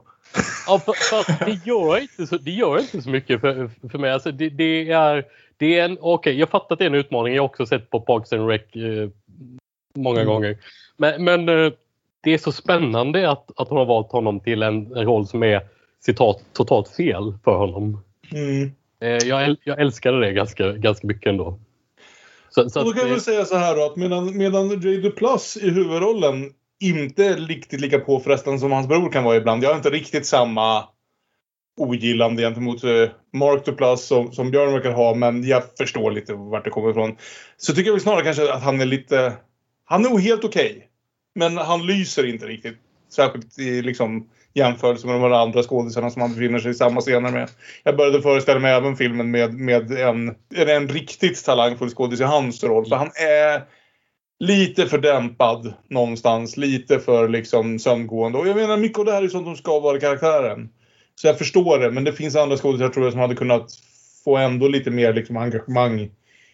För en bit här i filmen som jag liksom tappar lite engagemanget för hur fan Mm. Chris egentligen. Eh, förutom i hans förhållande till de här, till, till mor och dotter. Så det är väl egentligen mitt, min, huvudsakliga, min huvudsakliga grej med den här filmen är egentligen det är samma sak som jag sa om Betongnat. Det tar en timme innan, innan vi kommer in i något som är liksom faktiskt drama med ett driv. Det är väldigt lång tid som vi bara liksom lallar runt och presenterar karaktärer och situationer och förstår liksom liven. Och det är fint och det är välgjort men det är också lite eh, känslan av att jag har sett det här förut i x antal amerikanska indiefilmer. Det är sånt här som vi, som vi pratade om för några veckor sedan som Kelly Reichardt gör bättre och med en helt annan liksom med ett annat fokus på personlighet. Sa- Samtidigt så är ju Kelly Reichardt gör ju en helt annan slags filmer egentligen. Även om båda gör liksom så här lågmälda indiedramer. Mm. Så är det ju ändå liksom att jag säger, av de Lynn Shelton-filmer jag har sett så har ju nästan alla varit komedier. Och det här är ju absolut inte en komedi. Nej, det är sant. Men hela hennes Nej. grej med den här Mumblecore-kollektivet som hon håller på med tillsammans med Duplass och några till. Är ju liksom det här att bara naturlig dialog, naturlig sam, liksom inget överdrivet drama, ingenting sådant utan bara liksom försöka bara fånga människors liv. Och jag håller väl med er att det här dramat egentligen handlar om mor och dotterrelationen och att Chris är den de interagerar med.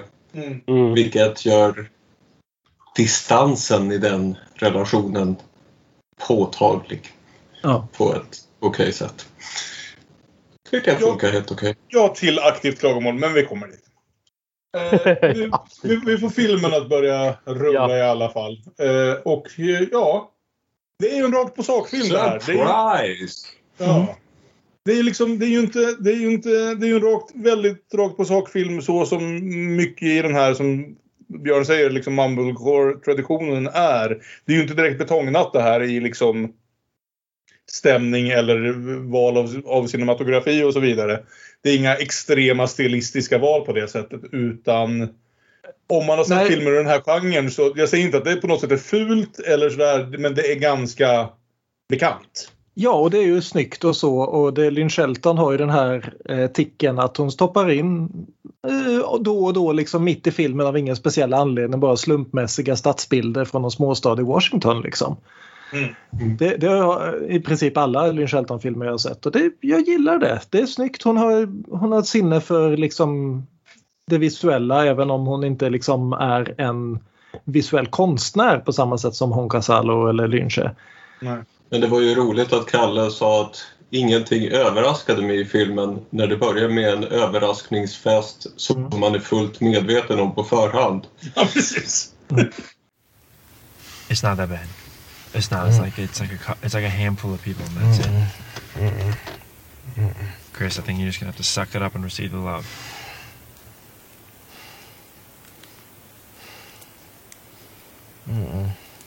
I'll shut it down after an hour, okay? An hour? Dude, people have been waiting for 20 years for this. You don't think I know that? Precis, och där får vi ju träffa alla huvudpersoner. Vi får veta att eh, Chris föräldrar, har inte, eller hans mamma i alla fall, har inte gett resa dit för hon tycker det är så otrevligt att flyga. Detta alltså när Chris kommer ut ur fängelset efter 20 år. Exakt. Men alla hans vänner och bekanta som bor kvar i den här lilla småstaden i Washington, de är i alla fall där en stund i alla fall och säger hej. Och alla blir, tycker det är lite pinsamt när han ber om 7-Up. No, dude, nobody drinks 7-Up anymore. Han har missat, men han har missat 20 år och det här är ju någonting som kommer att återkomma. Det kommer aldrig sägas rakt ut. Men han åkte ju in som 18-åring. Och han är fortfarande en high school, han är en gymnasieunge liksom.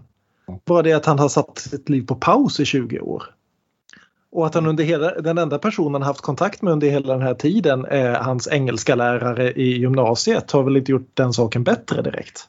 Nej, man, det har väl liksom låst det här, även det här förhållandet. För det verkar ju vara det enda aktiva förhållande man haft. Jag ska säga så här.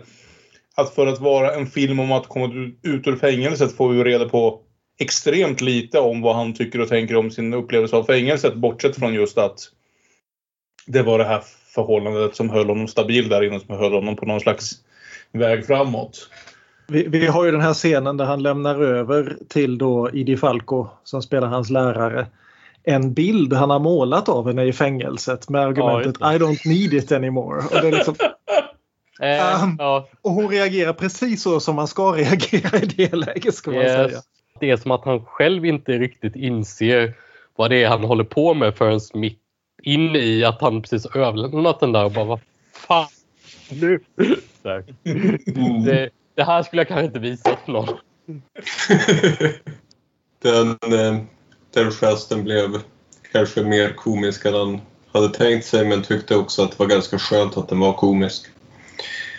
Ja, Men sen så lägger han in något av en flört och man är lite osäker.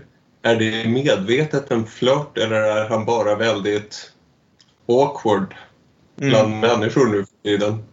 Ja, för vi har redan sett honom att han, inte, att han inte ens vill gå in i liksom en full... Att han, han börjar kräkas och lär på det sättet lära känna även Carols dotter då, eh, Hildy. Eh, när han behöver springa in under sin surprise party och, och kräkas på toan för att det är för mycket folk där. Och på samma sätt när han sen ska träffa Carol vill han inte gå in på en fullsatt restaurang utan han vill mycket hellre att de hänger tillsammans i bilen och så vidare. Eh, och det ska också sägas, just det här du säger Björn, att han agerar fortfarande som en tonåring för han har inte kommit längre och i och med det är det också väldigt uppenbart vad hans känslor är. För redan nästa dag så sitter liksom Carol i, i fikarummet på skolan och berättar, berättar för en kollega om hur han, hon tror att Chris förmodligen har en liten förälskelse eh, i henne. Eh, Matt Malloy dyker upp här som kompis i en scen. Matt Malloy är i de flesta saker ni har sett de senaste 20 åren känns det som. Men han har faktiskt bara en scen här. Nej, men ha- hans invändning är ju i princip att ja men, eh, ja, men ta chansen nu då. Ja men jag är ju gift säger hon. Ja men det, kan, det är ju en chans att påminna karln om vad han håller på att förlora då. Ja, när det, först den här flörten kommer så är hon ju väldigt nej, nej, nej. Mm.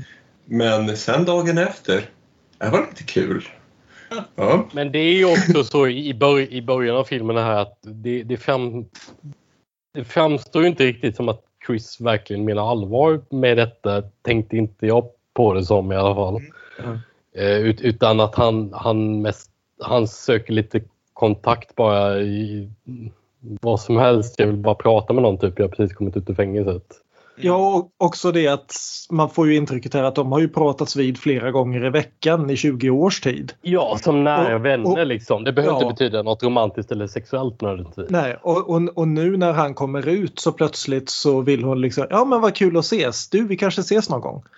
Därför att hon är ju osäker på exakt, det, är liksom, det finns inget socialt protokoll för det här liksom.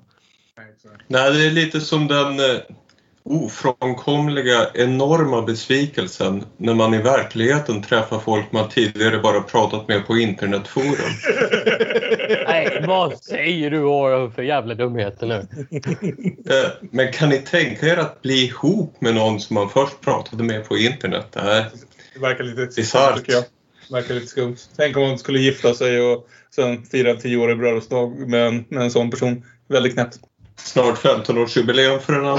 Precis. Precis.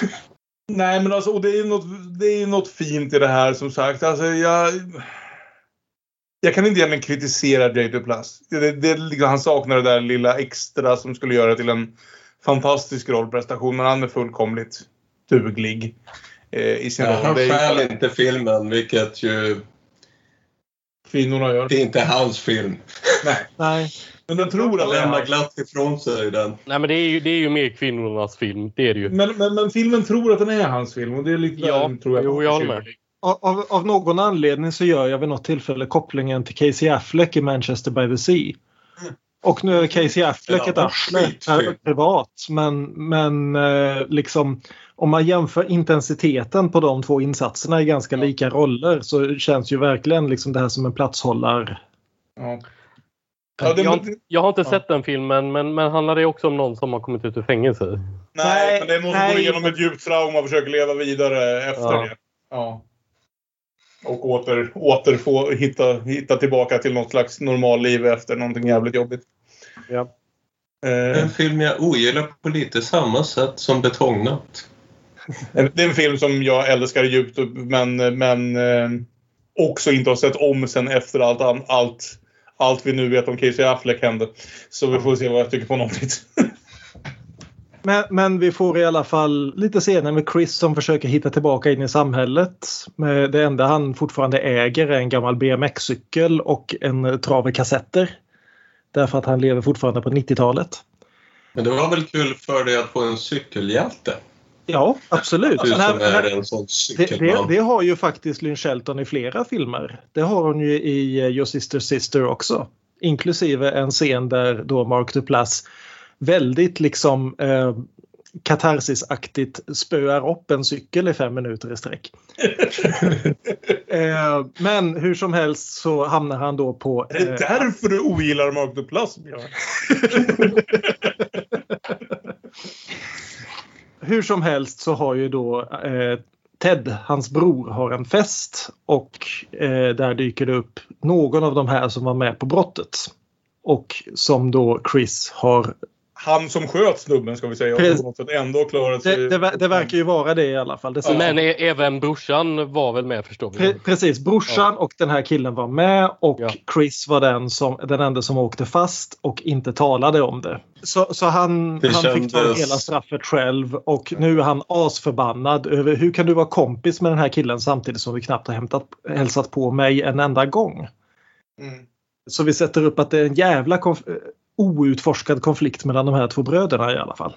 Kan jag få säga att det är lite av en cop-out för mig att försöka göra Chris till den snälla killen som faktiskt inte gjorde någonting fel allt det här. Att jag Nej, kan du får, tycka gärna, att, du får gärna säga det. Men, ja, men, att jag tycker men, att det hade varit nästan alltså, han- lite mer intressant bara för karaktärsdjupet om han hade varit en snubbe som i alla fall gjort något litet fel någonstans. Mm. Och inte bara varit så här djupt godhjärtad och tagit smällen för alla sina dumma polare.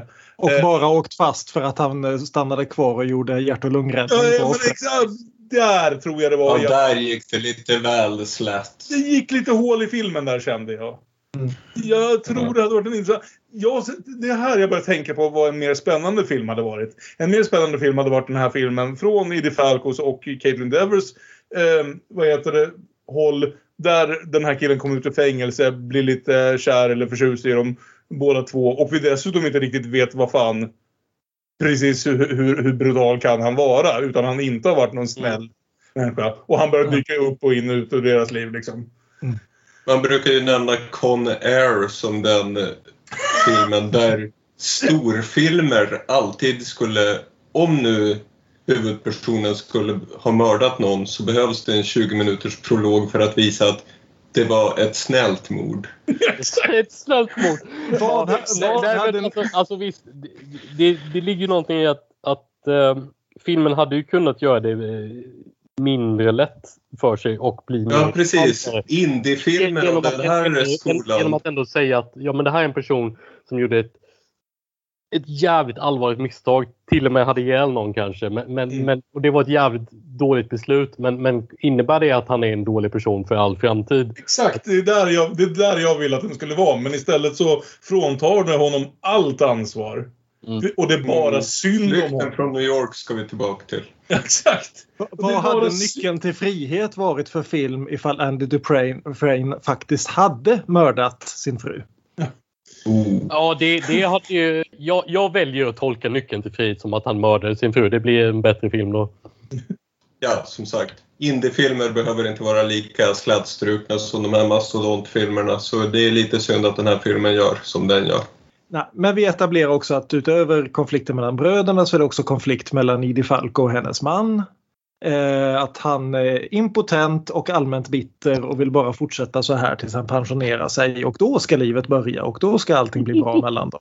Och också en person som ju känns som kanske lite klyscha. Och jag, säger inte att jag hade velat ha en längre film för att Mm. utveckla den karaktären mer. Men han är ju verkligen tradig make 1A i såna här... Men du- Han, gillar att titta på TV och få middagen serverad och han blir sur när de börjar diskutera konflikter. Och Ja. om de faktiskt behöver ha en konflikt så är det definitivt hennes fel för hon har andra intressen än att laga mat åt honom. Men det här är lite Jag intressant. tyckte alla deras scener var jätteroliga. Jo, det håller jag med om. Det är en bra skådis och hon får ju chansen att spela ut och ha en annan typ av scener med honom än vad hon har med, med Chris. It's fine if you do your charity work, but I'd rather you not bring it home in the future. Tom, if we're going to have a serious conversation, do you think maybe you could turn the television off, I'm please? done. I got nothing more to say. So then I guess this is the end of our discussion.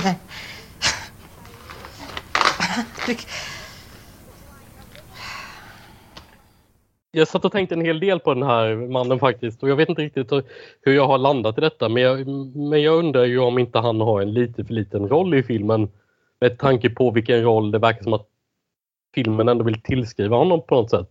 Att, alltså, Jag håller med. Ja, Alltså- och framförallt försvinner han alldeles för lätt ur handlingen i slutet. Ja, alltså, att, alltså visst att Carol är en viktigare person än honom.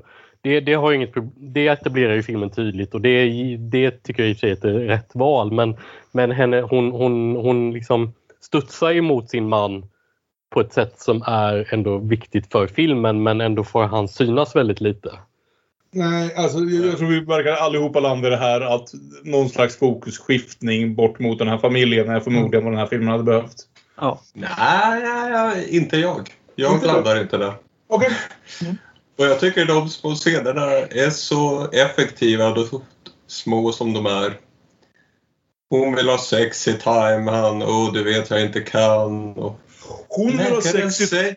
165 direkt efter att hon haft en nästan-kyss med, med, eh, med Chris. Så hon är ju Givetvis. lite tänd. Ja, precis. Det är ju det som är, och hur han, nej jag kan inte, du vet jag inte kan. Hon försöker, läkaren säger att det inte är fysiskt. Och han bara... Vilket är precis vad som brukar motverka sådana problem känner jag. jag skrattade gott. Ja. Men, men eh, vi får i alla fall det här fina förhållandet då mellan Chris och Hildy. Som ju i praktiken är jämnåriga, bara det att han har 20 års verk och lönfet, lönfetma i kroppen. De, liksom, de hittar varandra på ett sätt som ingen annan karaktär i den här filmen nästan gör. Mm. Han ska söka ett jobb och Mm. när han kommer dit så visar det sig att Hildur redan jobbar där och då tycker han ju det är pinsamt för då känner han ju sin ålder. Och låtsas nej jag skulle bara ha något att äta men glömde plånboken. Det är det. Mm. Men så uppdagas det.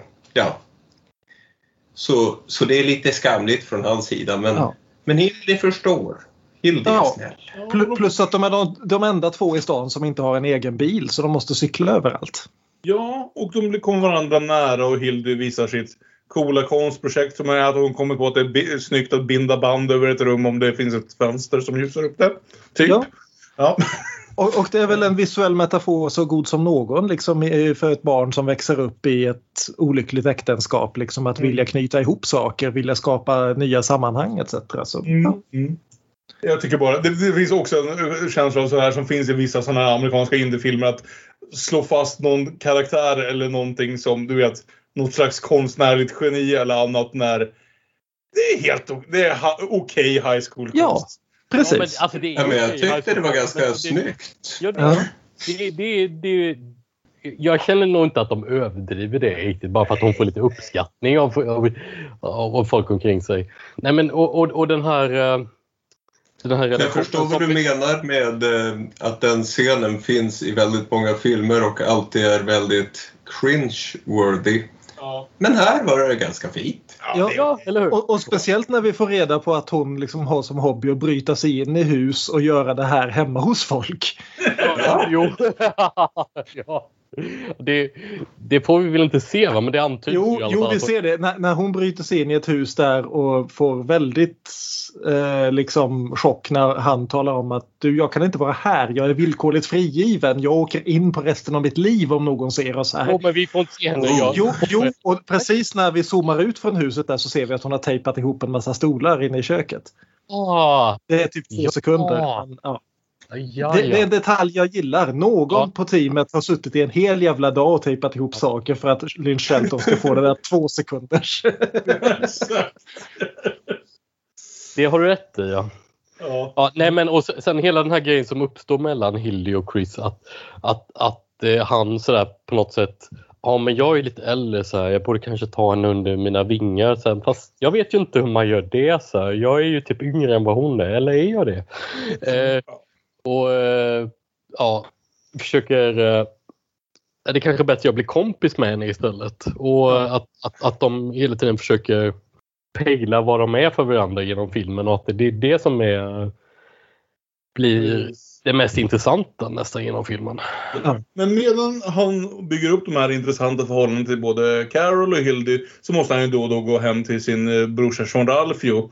Eh, och där träffar vi en sån här karaktär som jag vill hävda förmodligen inte finns så vanligt i verkligheten utan som mest finns i amerikanska indiefilmer. Nämligen tjejen som är lite för snygg och lite för kåt på vem än huvudpersonen är. Ja. Eh, Även om jag, jag älskar den scenen för just det här när han kommer in och där sitter brorsan som är the worst. Och eh, den här tjejen då och tittar på Youtube och han frågar vilken kanal är det här? Det är internetvideos. Men hur är de på din TV? och det är väldigt gulligt. Men, men den scenen går vidare med liksom, det är bara... Ja, jag vet inte, det är någon sån här karaktär som jag tycker är lite för vanligt förekommande i amerikansk film. Som såklart, hon finns ju där för att visa på någonting annat. Mm, eh, I Hon- hon finns ju karaktären. där Det är lite, det är lite klumpigt. Hon är i lite osannolik känner jag. Det är väldigt roligt. Ja, det det, är blir väldigt väl, roligt hur snabbt det går för honom. det blir väldigt kladdiga byxor på väldigt kort tid där. Ja. Och sen kommer han ut från toan efter att ha torkat av sig och säger “Something came up”. Det är ju nästan det bästa att, att, att, det, att han får telefonsamtal när han är inne på toan och måste springa iväg. Men, men sen blir det ju inte bättre än att brorsan har födelsedagsfest och där dyker då både Chris och Hildy upp och super, super sig väldigt snygga. Som de eh, mentala 17-åringar de båda är. Och han skäller ut brorsan efter noter. It's up the birthday! Everybody! Grab a drink except for Chris and the teeny bopper over there, but maybe we can get you like a Capri Sun or like a water or something. But for the rest of you guys, have fun, drink up! Hold it! We need to have a toast to Ted. Is what we need to do. We don't need to. Oh do yes, we do. We need to toast to my drunk ass little baby brother, who let me rot up in Walla Walla for 20 years, barely came to see me, and never said shit about what he did. Right? the Tedster, right? Det är jobbigt när man blir full och all bitterhet kommer fram sådär. Det här leder i alla fall fram till via diverse liksom att han måste cykla hem henne för hon är så full så hon kan inte sitta på cykeln och hon kommer hem till Idi Falco med ansiktet uppskrapat och herregud du är full bla bla bla hur kunde du göra så här med min dotter jag trodde jag kunde lita på dig etc etc. Och, och vi får den här riktiga Dark Knight of the Soul-grejen där han då stannar utanför butiken där det här hände och vi hör flashbacks.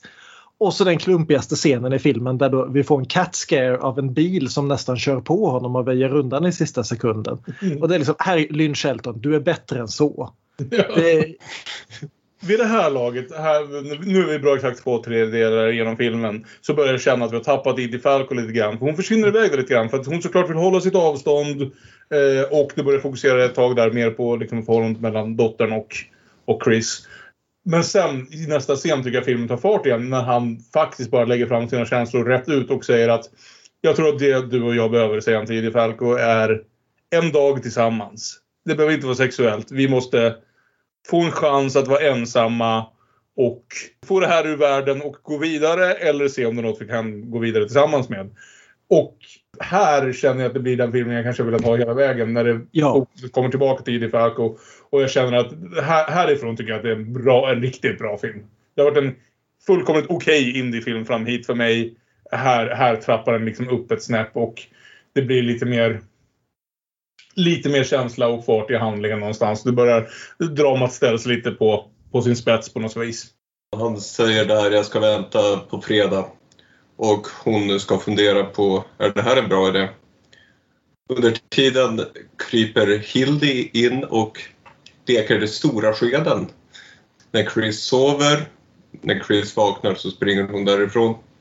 Men sen kommer ju den roligaste scenen med eh, Edie Maken. Falco och maken i bilen. Jo.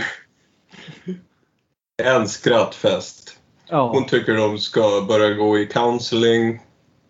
Han tycker, vad fan ska vi med det till? Och eh, sen börjar det bli så roligt. This is shit! Yeah, this is normal.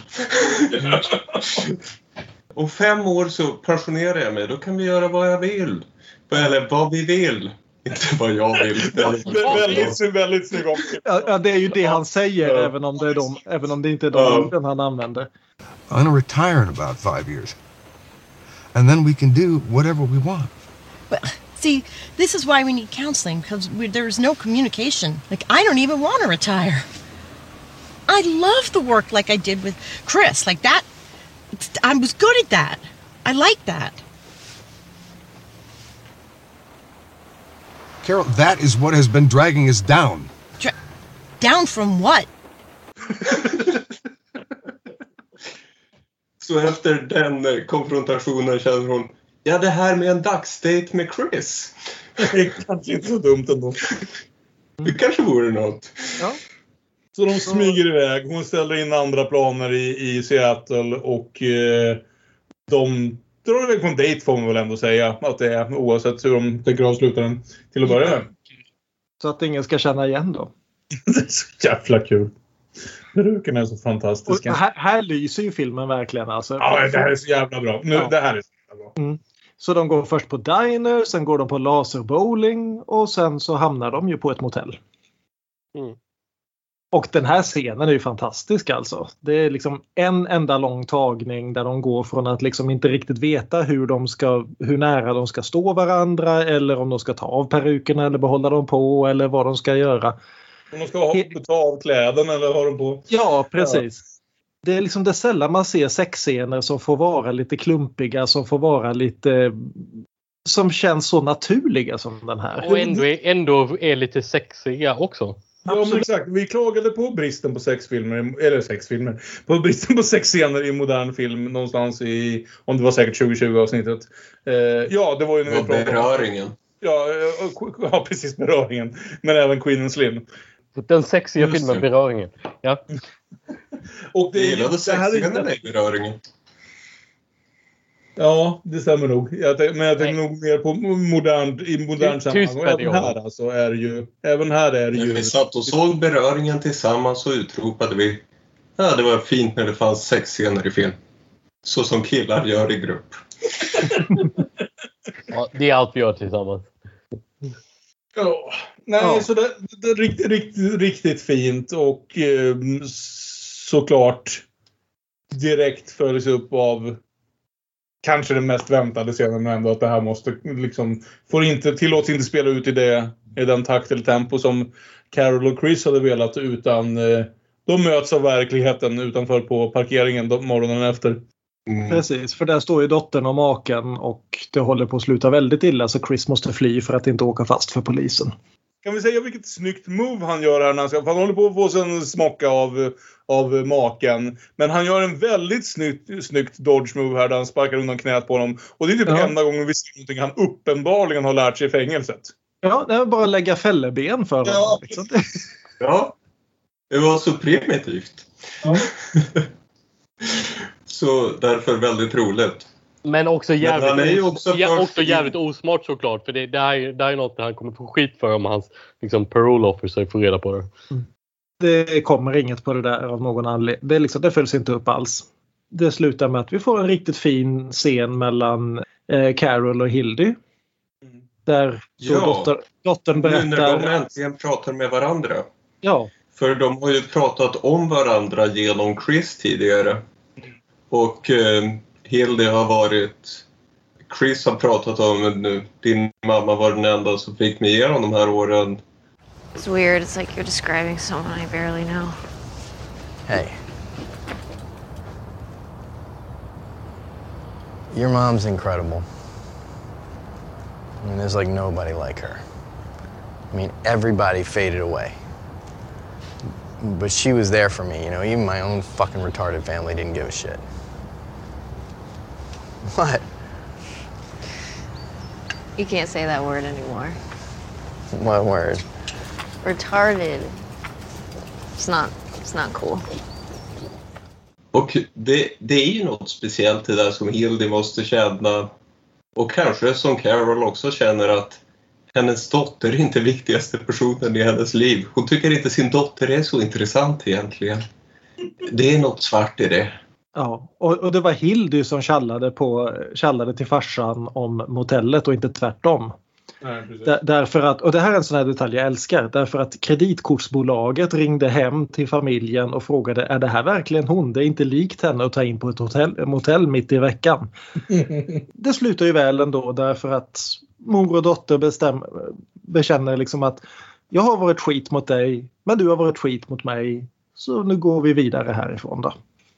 Och eh, Ben Schwartz har ungefär samma scen med, med sin bror. Jo, och det måste han ju för technically he's homeless.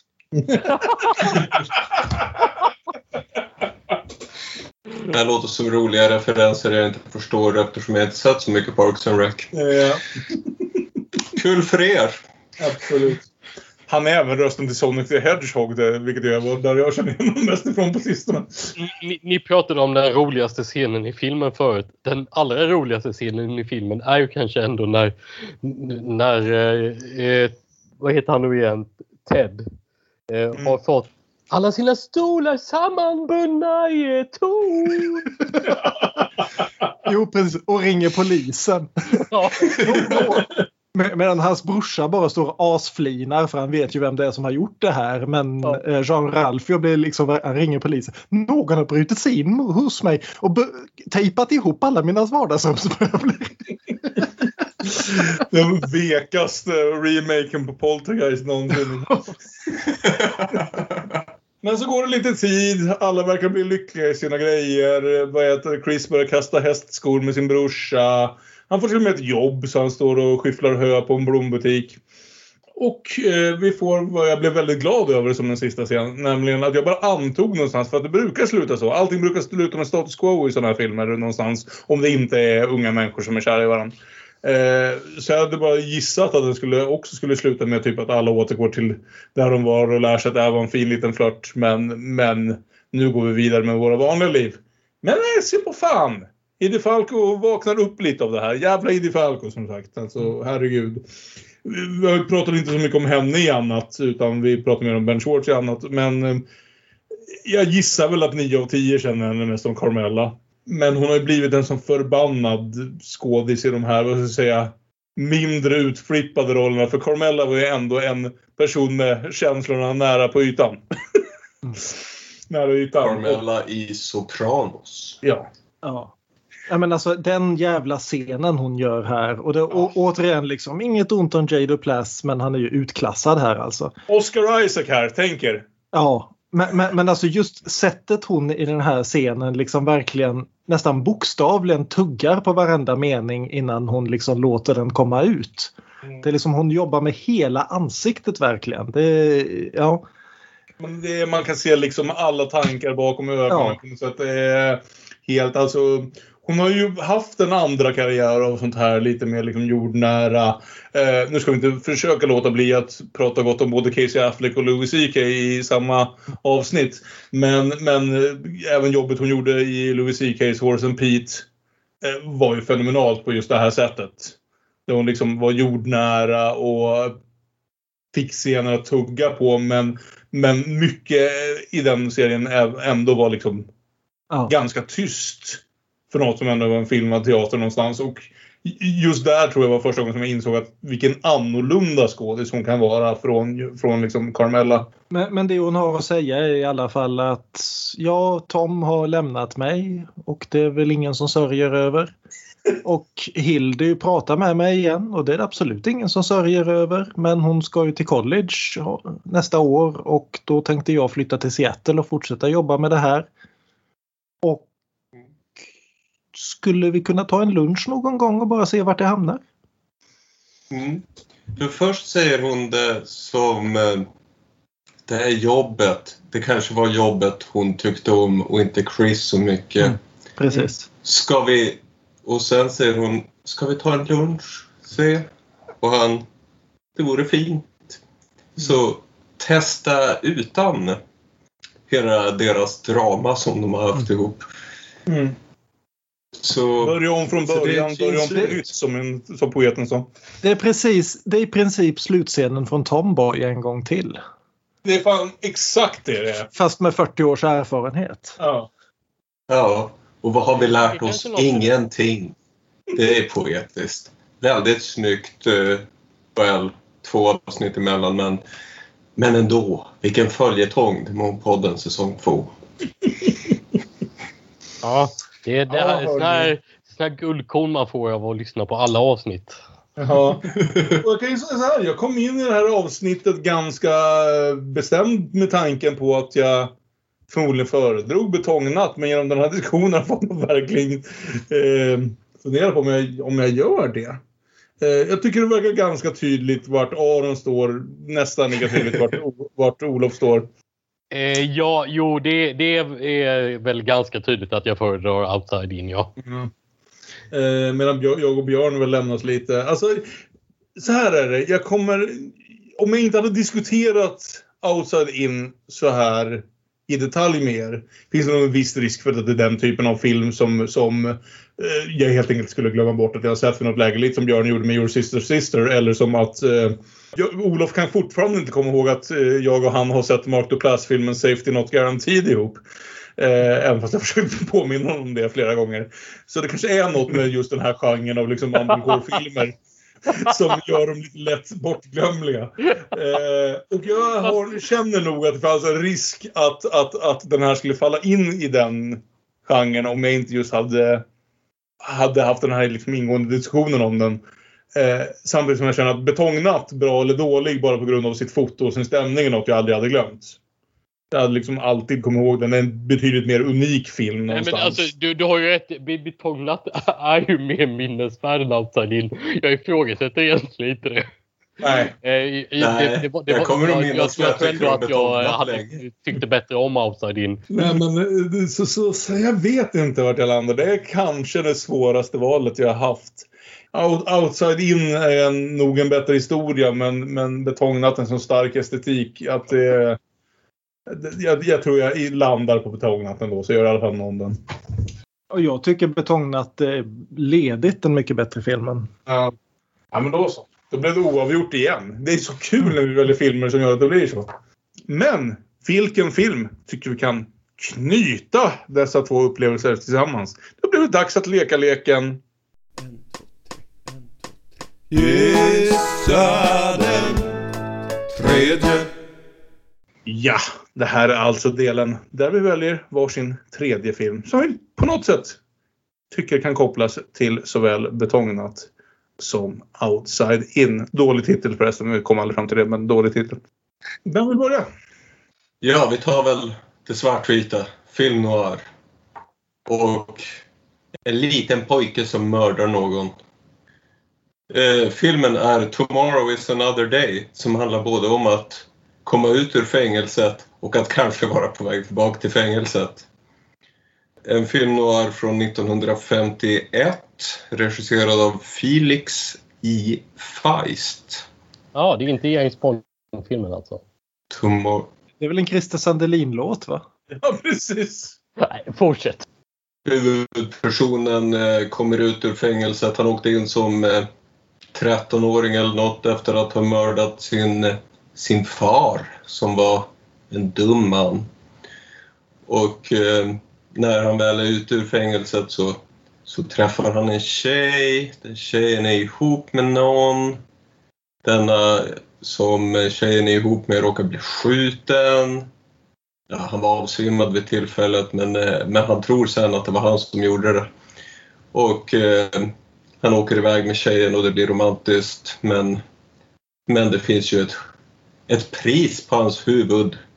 Och sen fortsätter det något av en road movie. Men eh, det är en väldigt bra och spännande film. Titeln Tomorrow is another day känns ju hoppfull. Inte skorpioner där inte. Och slutet på filmen är hoppfullt. Men det får man liksom se som ett sjukt skämt för att visa det här skulle aldrig hända. Det är resten av filmen vi behåller och allting är hopplöst. Bara ett tips när ni ser den att tänk inte för mycket på slutet.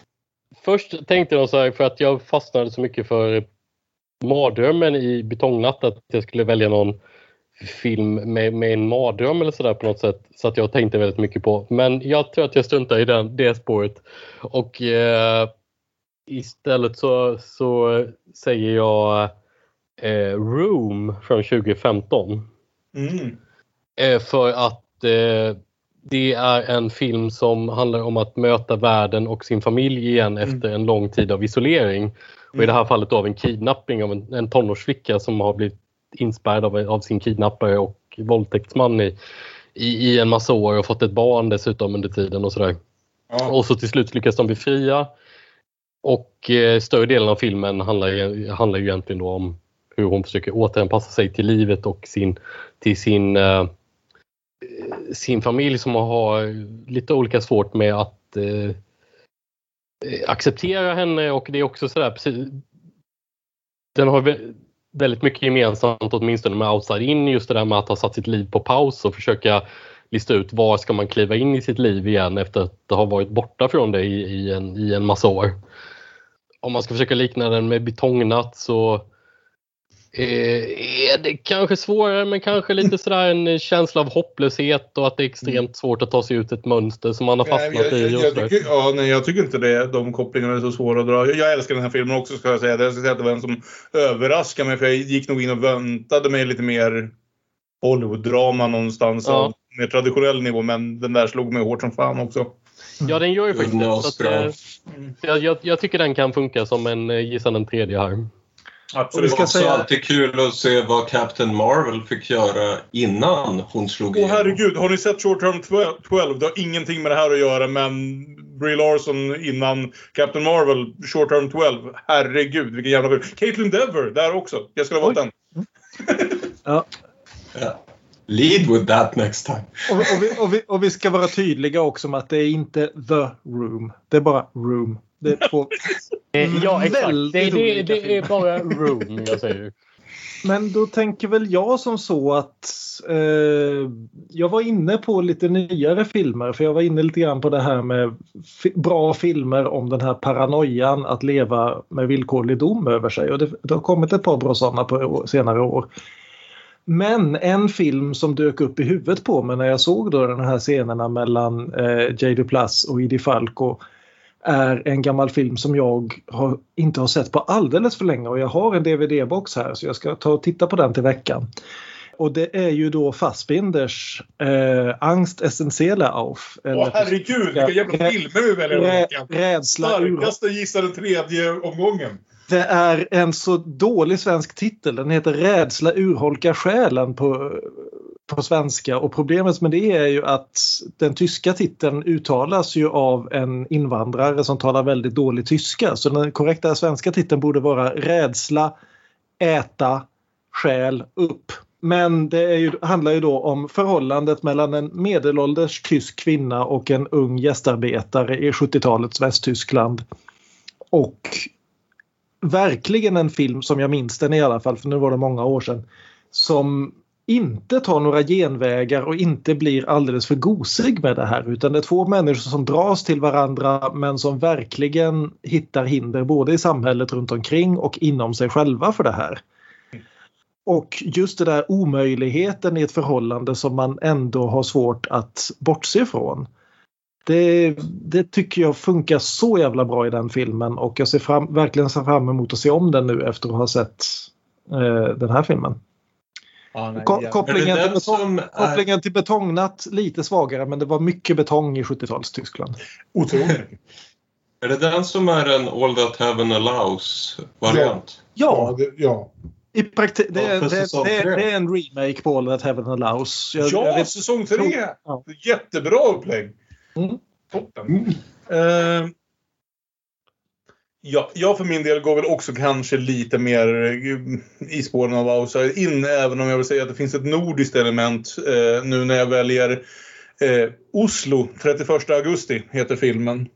Och handlar om Anders som har inte suttit i fängelse men väl på vårdhem efter att ha eh, blivit så beroende av såväl alkohol som heroin att han har börjat begå småbrott och sånt där och sen åkt in. Och eh, istället för att bli utsläppt på riktigt så får han eh, 24 timmars permission och ska ut på Oslo och börja jobbet med att komma tillbaka in i samhället. Han har fått en arbetsintervju, han kommer bo kvar på hemmet om man får jobbet men ändå liksom kunna åka in och jobba och sådär.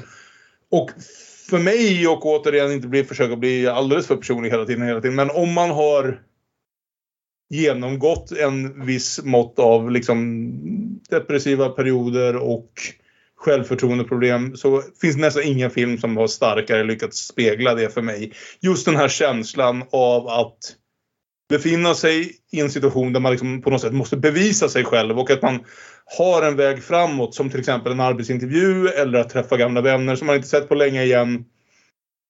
Och bestämmer sig för att det är för jobbigt att faktiskt försöka så jag saboterar det här för mig själv istället. Jag bara går in här och ger upp direkt. Jag tänker inte ens jag orkar inte försöka. Känslan av att bara känna att det är bättre att bara erkänna för mig själv att Nej, det är bara skit. Jag funkar inte. Det kommer aldrig att funka. Det är inte ens värt att ni försöker med mig längre. Jag är slut som människa. Det är bara att ge upp på det här. Och filmen någonstans, framförallt i, i skådespelet från den här fantastiska unge mannen som väl heter Anders, nu ska jag. Anders Danielsen i huvudrollen. Och eh, den tar någonstans ett mellansteg där liksom grundtonen i filmen är väldigt mycket lite det vi ser i Outside In, alltså ganska verklighetsnära, ganska så här. Men den vet precis när den ska stiga in i Anders huvud och bli mycket mer subjektiv och låta liksom eh, ljudbilden bli, bli det han tänker snarare än det som faktiskt sker och ger oss liksom precis hans fokus på saker och ting. Det är en av de sorgligaste jävla filmer jag har sett på säkert tio år. Det är precis hjärtekrossande det han genomgår. Just det här att ha en chans att kliva in i liksom ett liv igen, ett riktigt liv och känna att man inte, någonstans inte förtjänar det och istället kanske välja liksom den mer tragiska vägen. Nästan medvetet. Och det är tungt som fan. Det är inte en kul film någonstans men den är i alla fall ganska kort. Eh, och om man orkar med det så tycker jag det är väl värt att sätta sig och se. Eh, regissören heter Joakim Trier. Jag säger inte att han har personlighetsmässigt mycket att göra med den andra trier som vi känner från, från nordiska filmer. Men, Nej, och de är väl inte släkt heller? de är inte släkt på något sätt. Han Nej. gjorde ju Telma för några år sedan också Ja, som jag tyckte precis. mycket om. Men den, eh, just- jag, jag, jag minns den som väldigt eh, fin den här Oslo, eh, Ah. 31 augusti. Det- Men är den så, alltså det är ju absolut ingen lättsam film, men är den så himla tung hela tiden som det låter som när du beskriver den? För mig var den det, men det kan också vara att jag identifierade mer nära än, än med väldigt mycket annan film. Mm. Eh, det kan ha varit högst personligt. Eh, för mig slog den sjukt hårt. Mm. Eh, men jag tror också som du säger va, att men det kan också vara en sån känsla som man får mer när man liksom har sett hela filmen. Men jag tycker ändå att det, det, det är en upplevelse värd att gå igenom om man liksom vill se någonting vad som känns som väldigt verklighetsnära på de här temana om hur svårt det är att eh, slå sig själv tillbaka. Ja, men jag, jag, jag, jag, jag. Jag har sett den och jag, jag tycker nog att det, det i och för sig är, är, fångar upp element av båda de här filmerna. Så jag tycker det var ett eh, superintressant val. Ja, ja, jag älskade den filmen.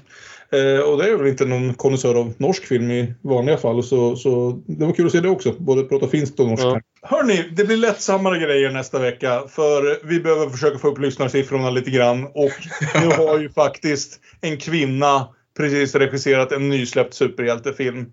Så vi ska prata lite om Kate Shortlands eh, Black Widow. Som ni kan se antingen på bio eller på Disney+. Och Lexi Alexanders Punisher Warzone. Så två Marvel superhjältefilmer men en tillhörandes det här stora Marvel-universumet och en gjord precis innan hela det projektet drog igång och inte alls tillhörande det och dessutom ganska mycket mer barnförbjudet. Så intressant diskussion förhoppningsvis om liksom hur man bygger upp sina superhjälteuniversum och hur man kan se, se saker med sådana förlagor på olika vis. Och vår gode vän Fredrik Adolfsson återvänder som gäst. Han som verkligen valde att plocka russinen ur kakan på Bergman-tiden och var med både på Det sjunde inseglet och Fanny och Alexander. Och inget mer. Aron, musiken denna vecka presenteras bäst av dig. Det är äntligen dags för mig att sjunga Laura Marling. Night after night heter låten. Härligt. Ni kan nå oss via de sociala medierna om ni skulle känna för det. Vi är at Damonpodden på såväl Twitter som Instagram. Vi är Damonpodden med Ä på Facebook och man kan mejla damonpodden at gmail.com. Det blir kul den här veckan med. Hoppas ni vill komma nästa gång. Hej då! Hej då! Hej då!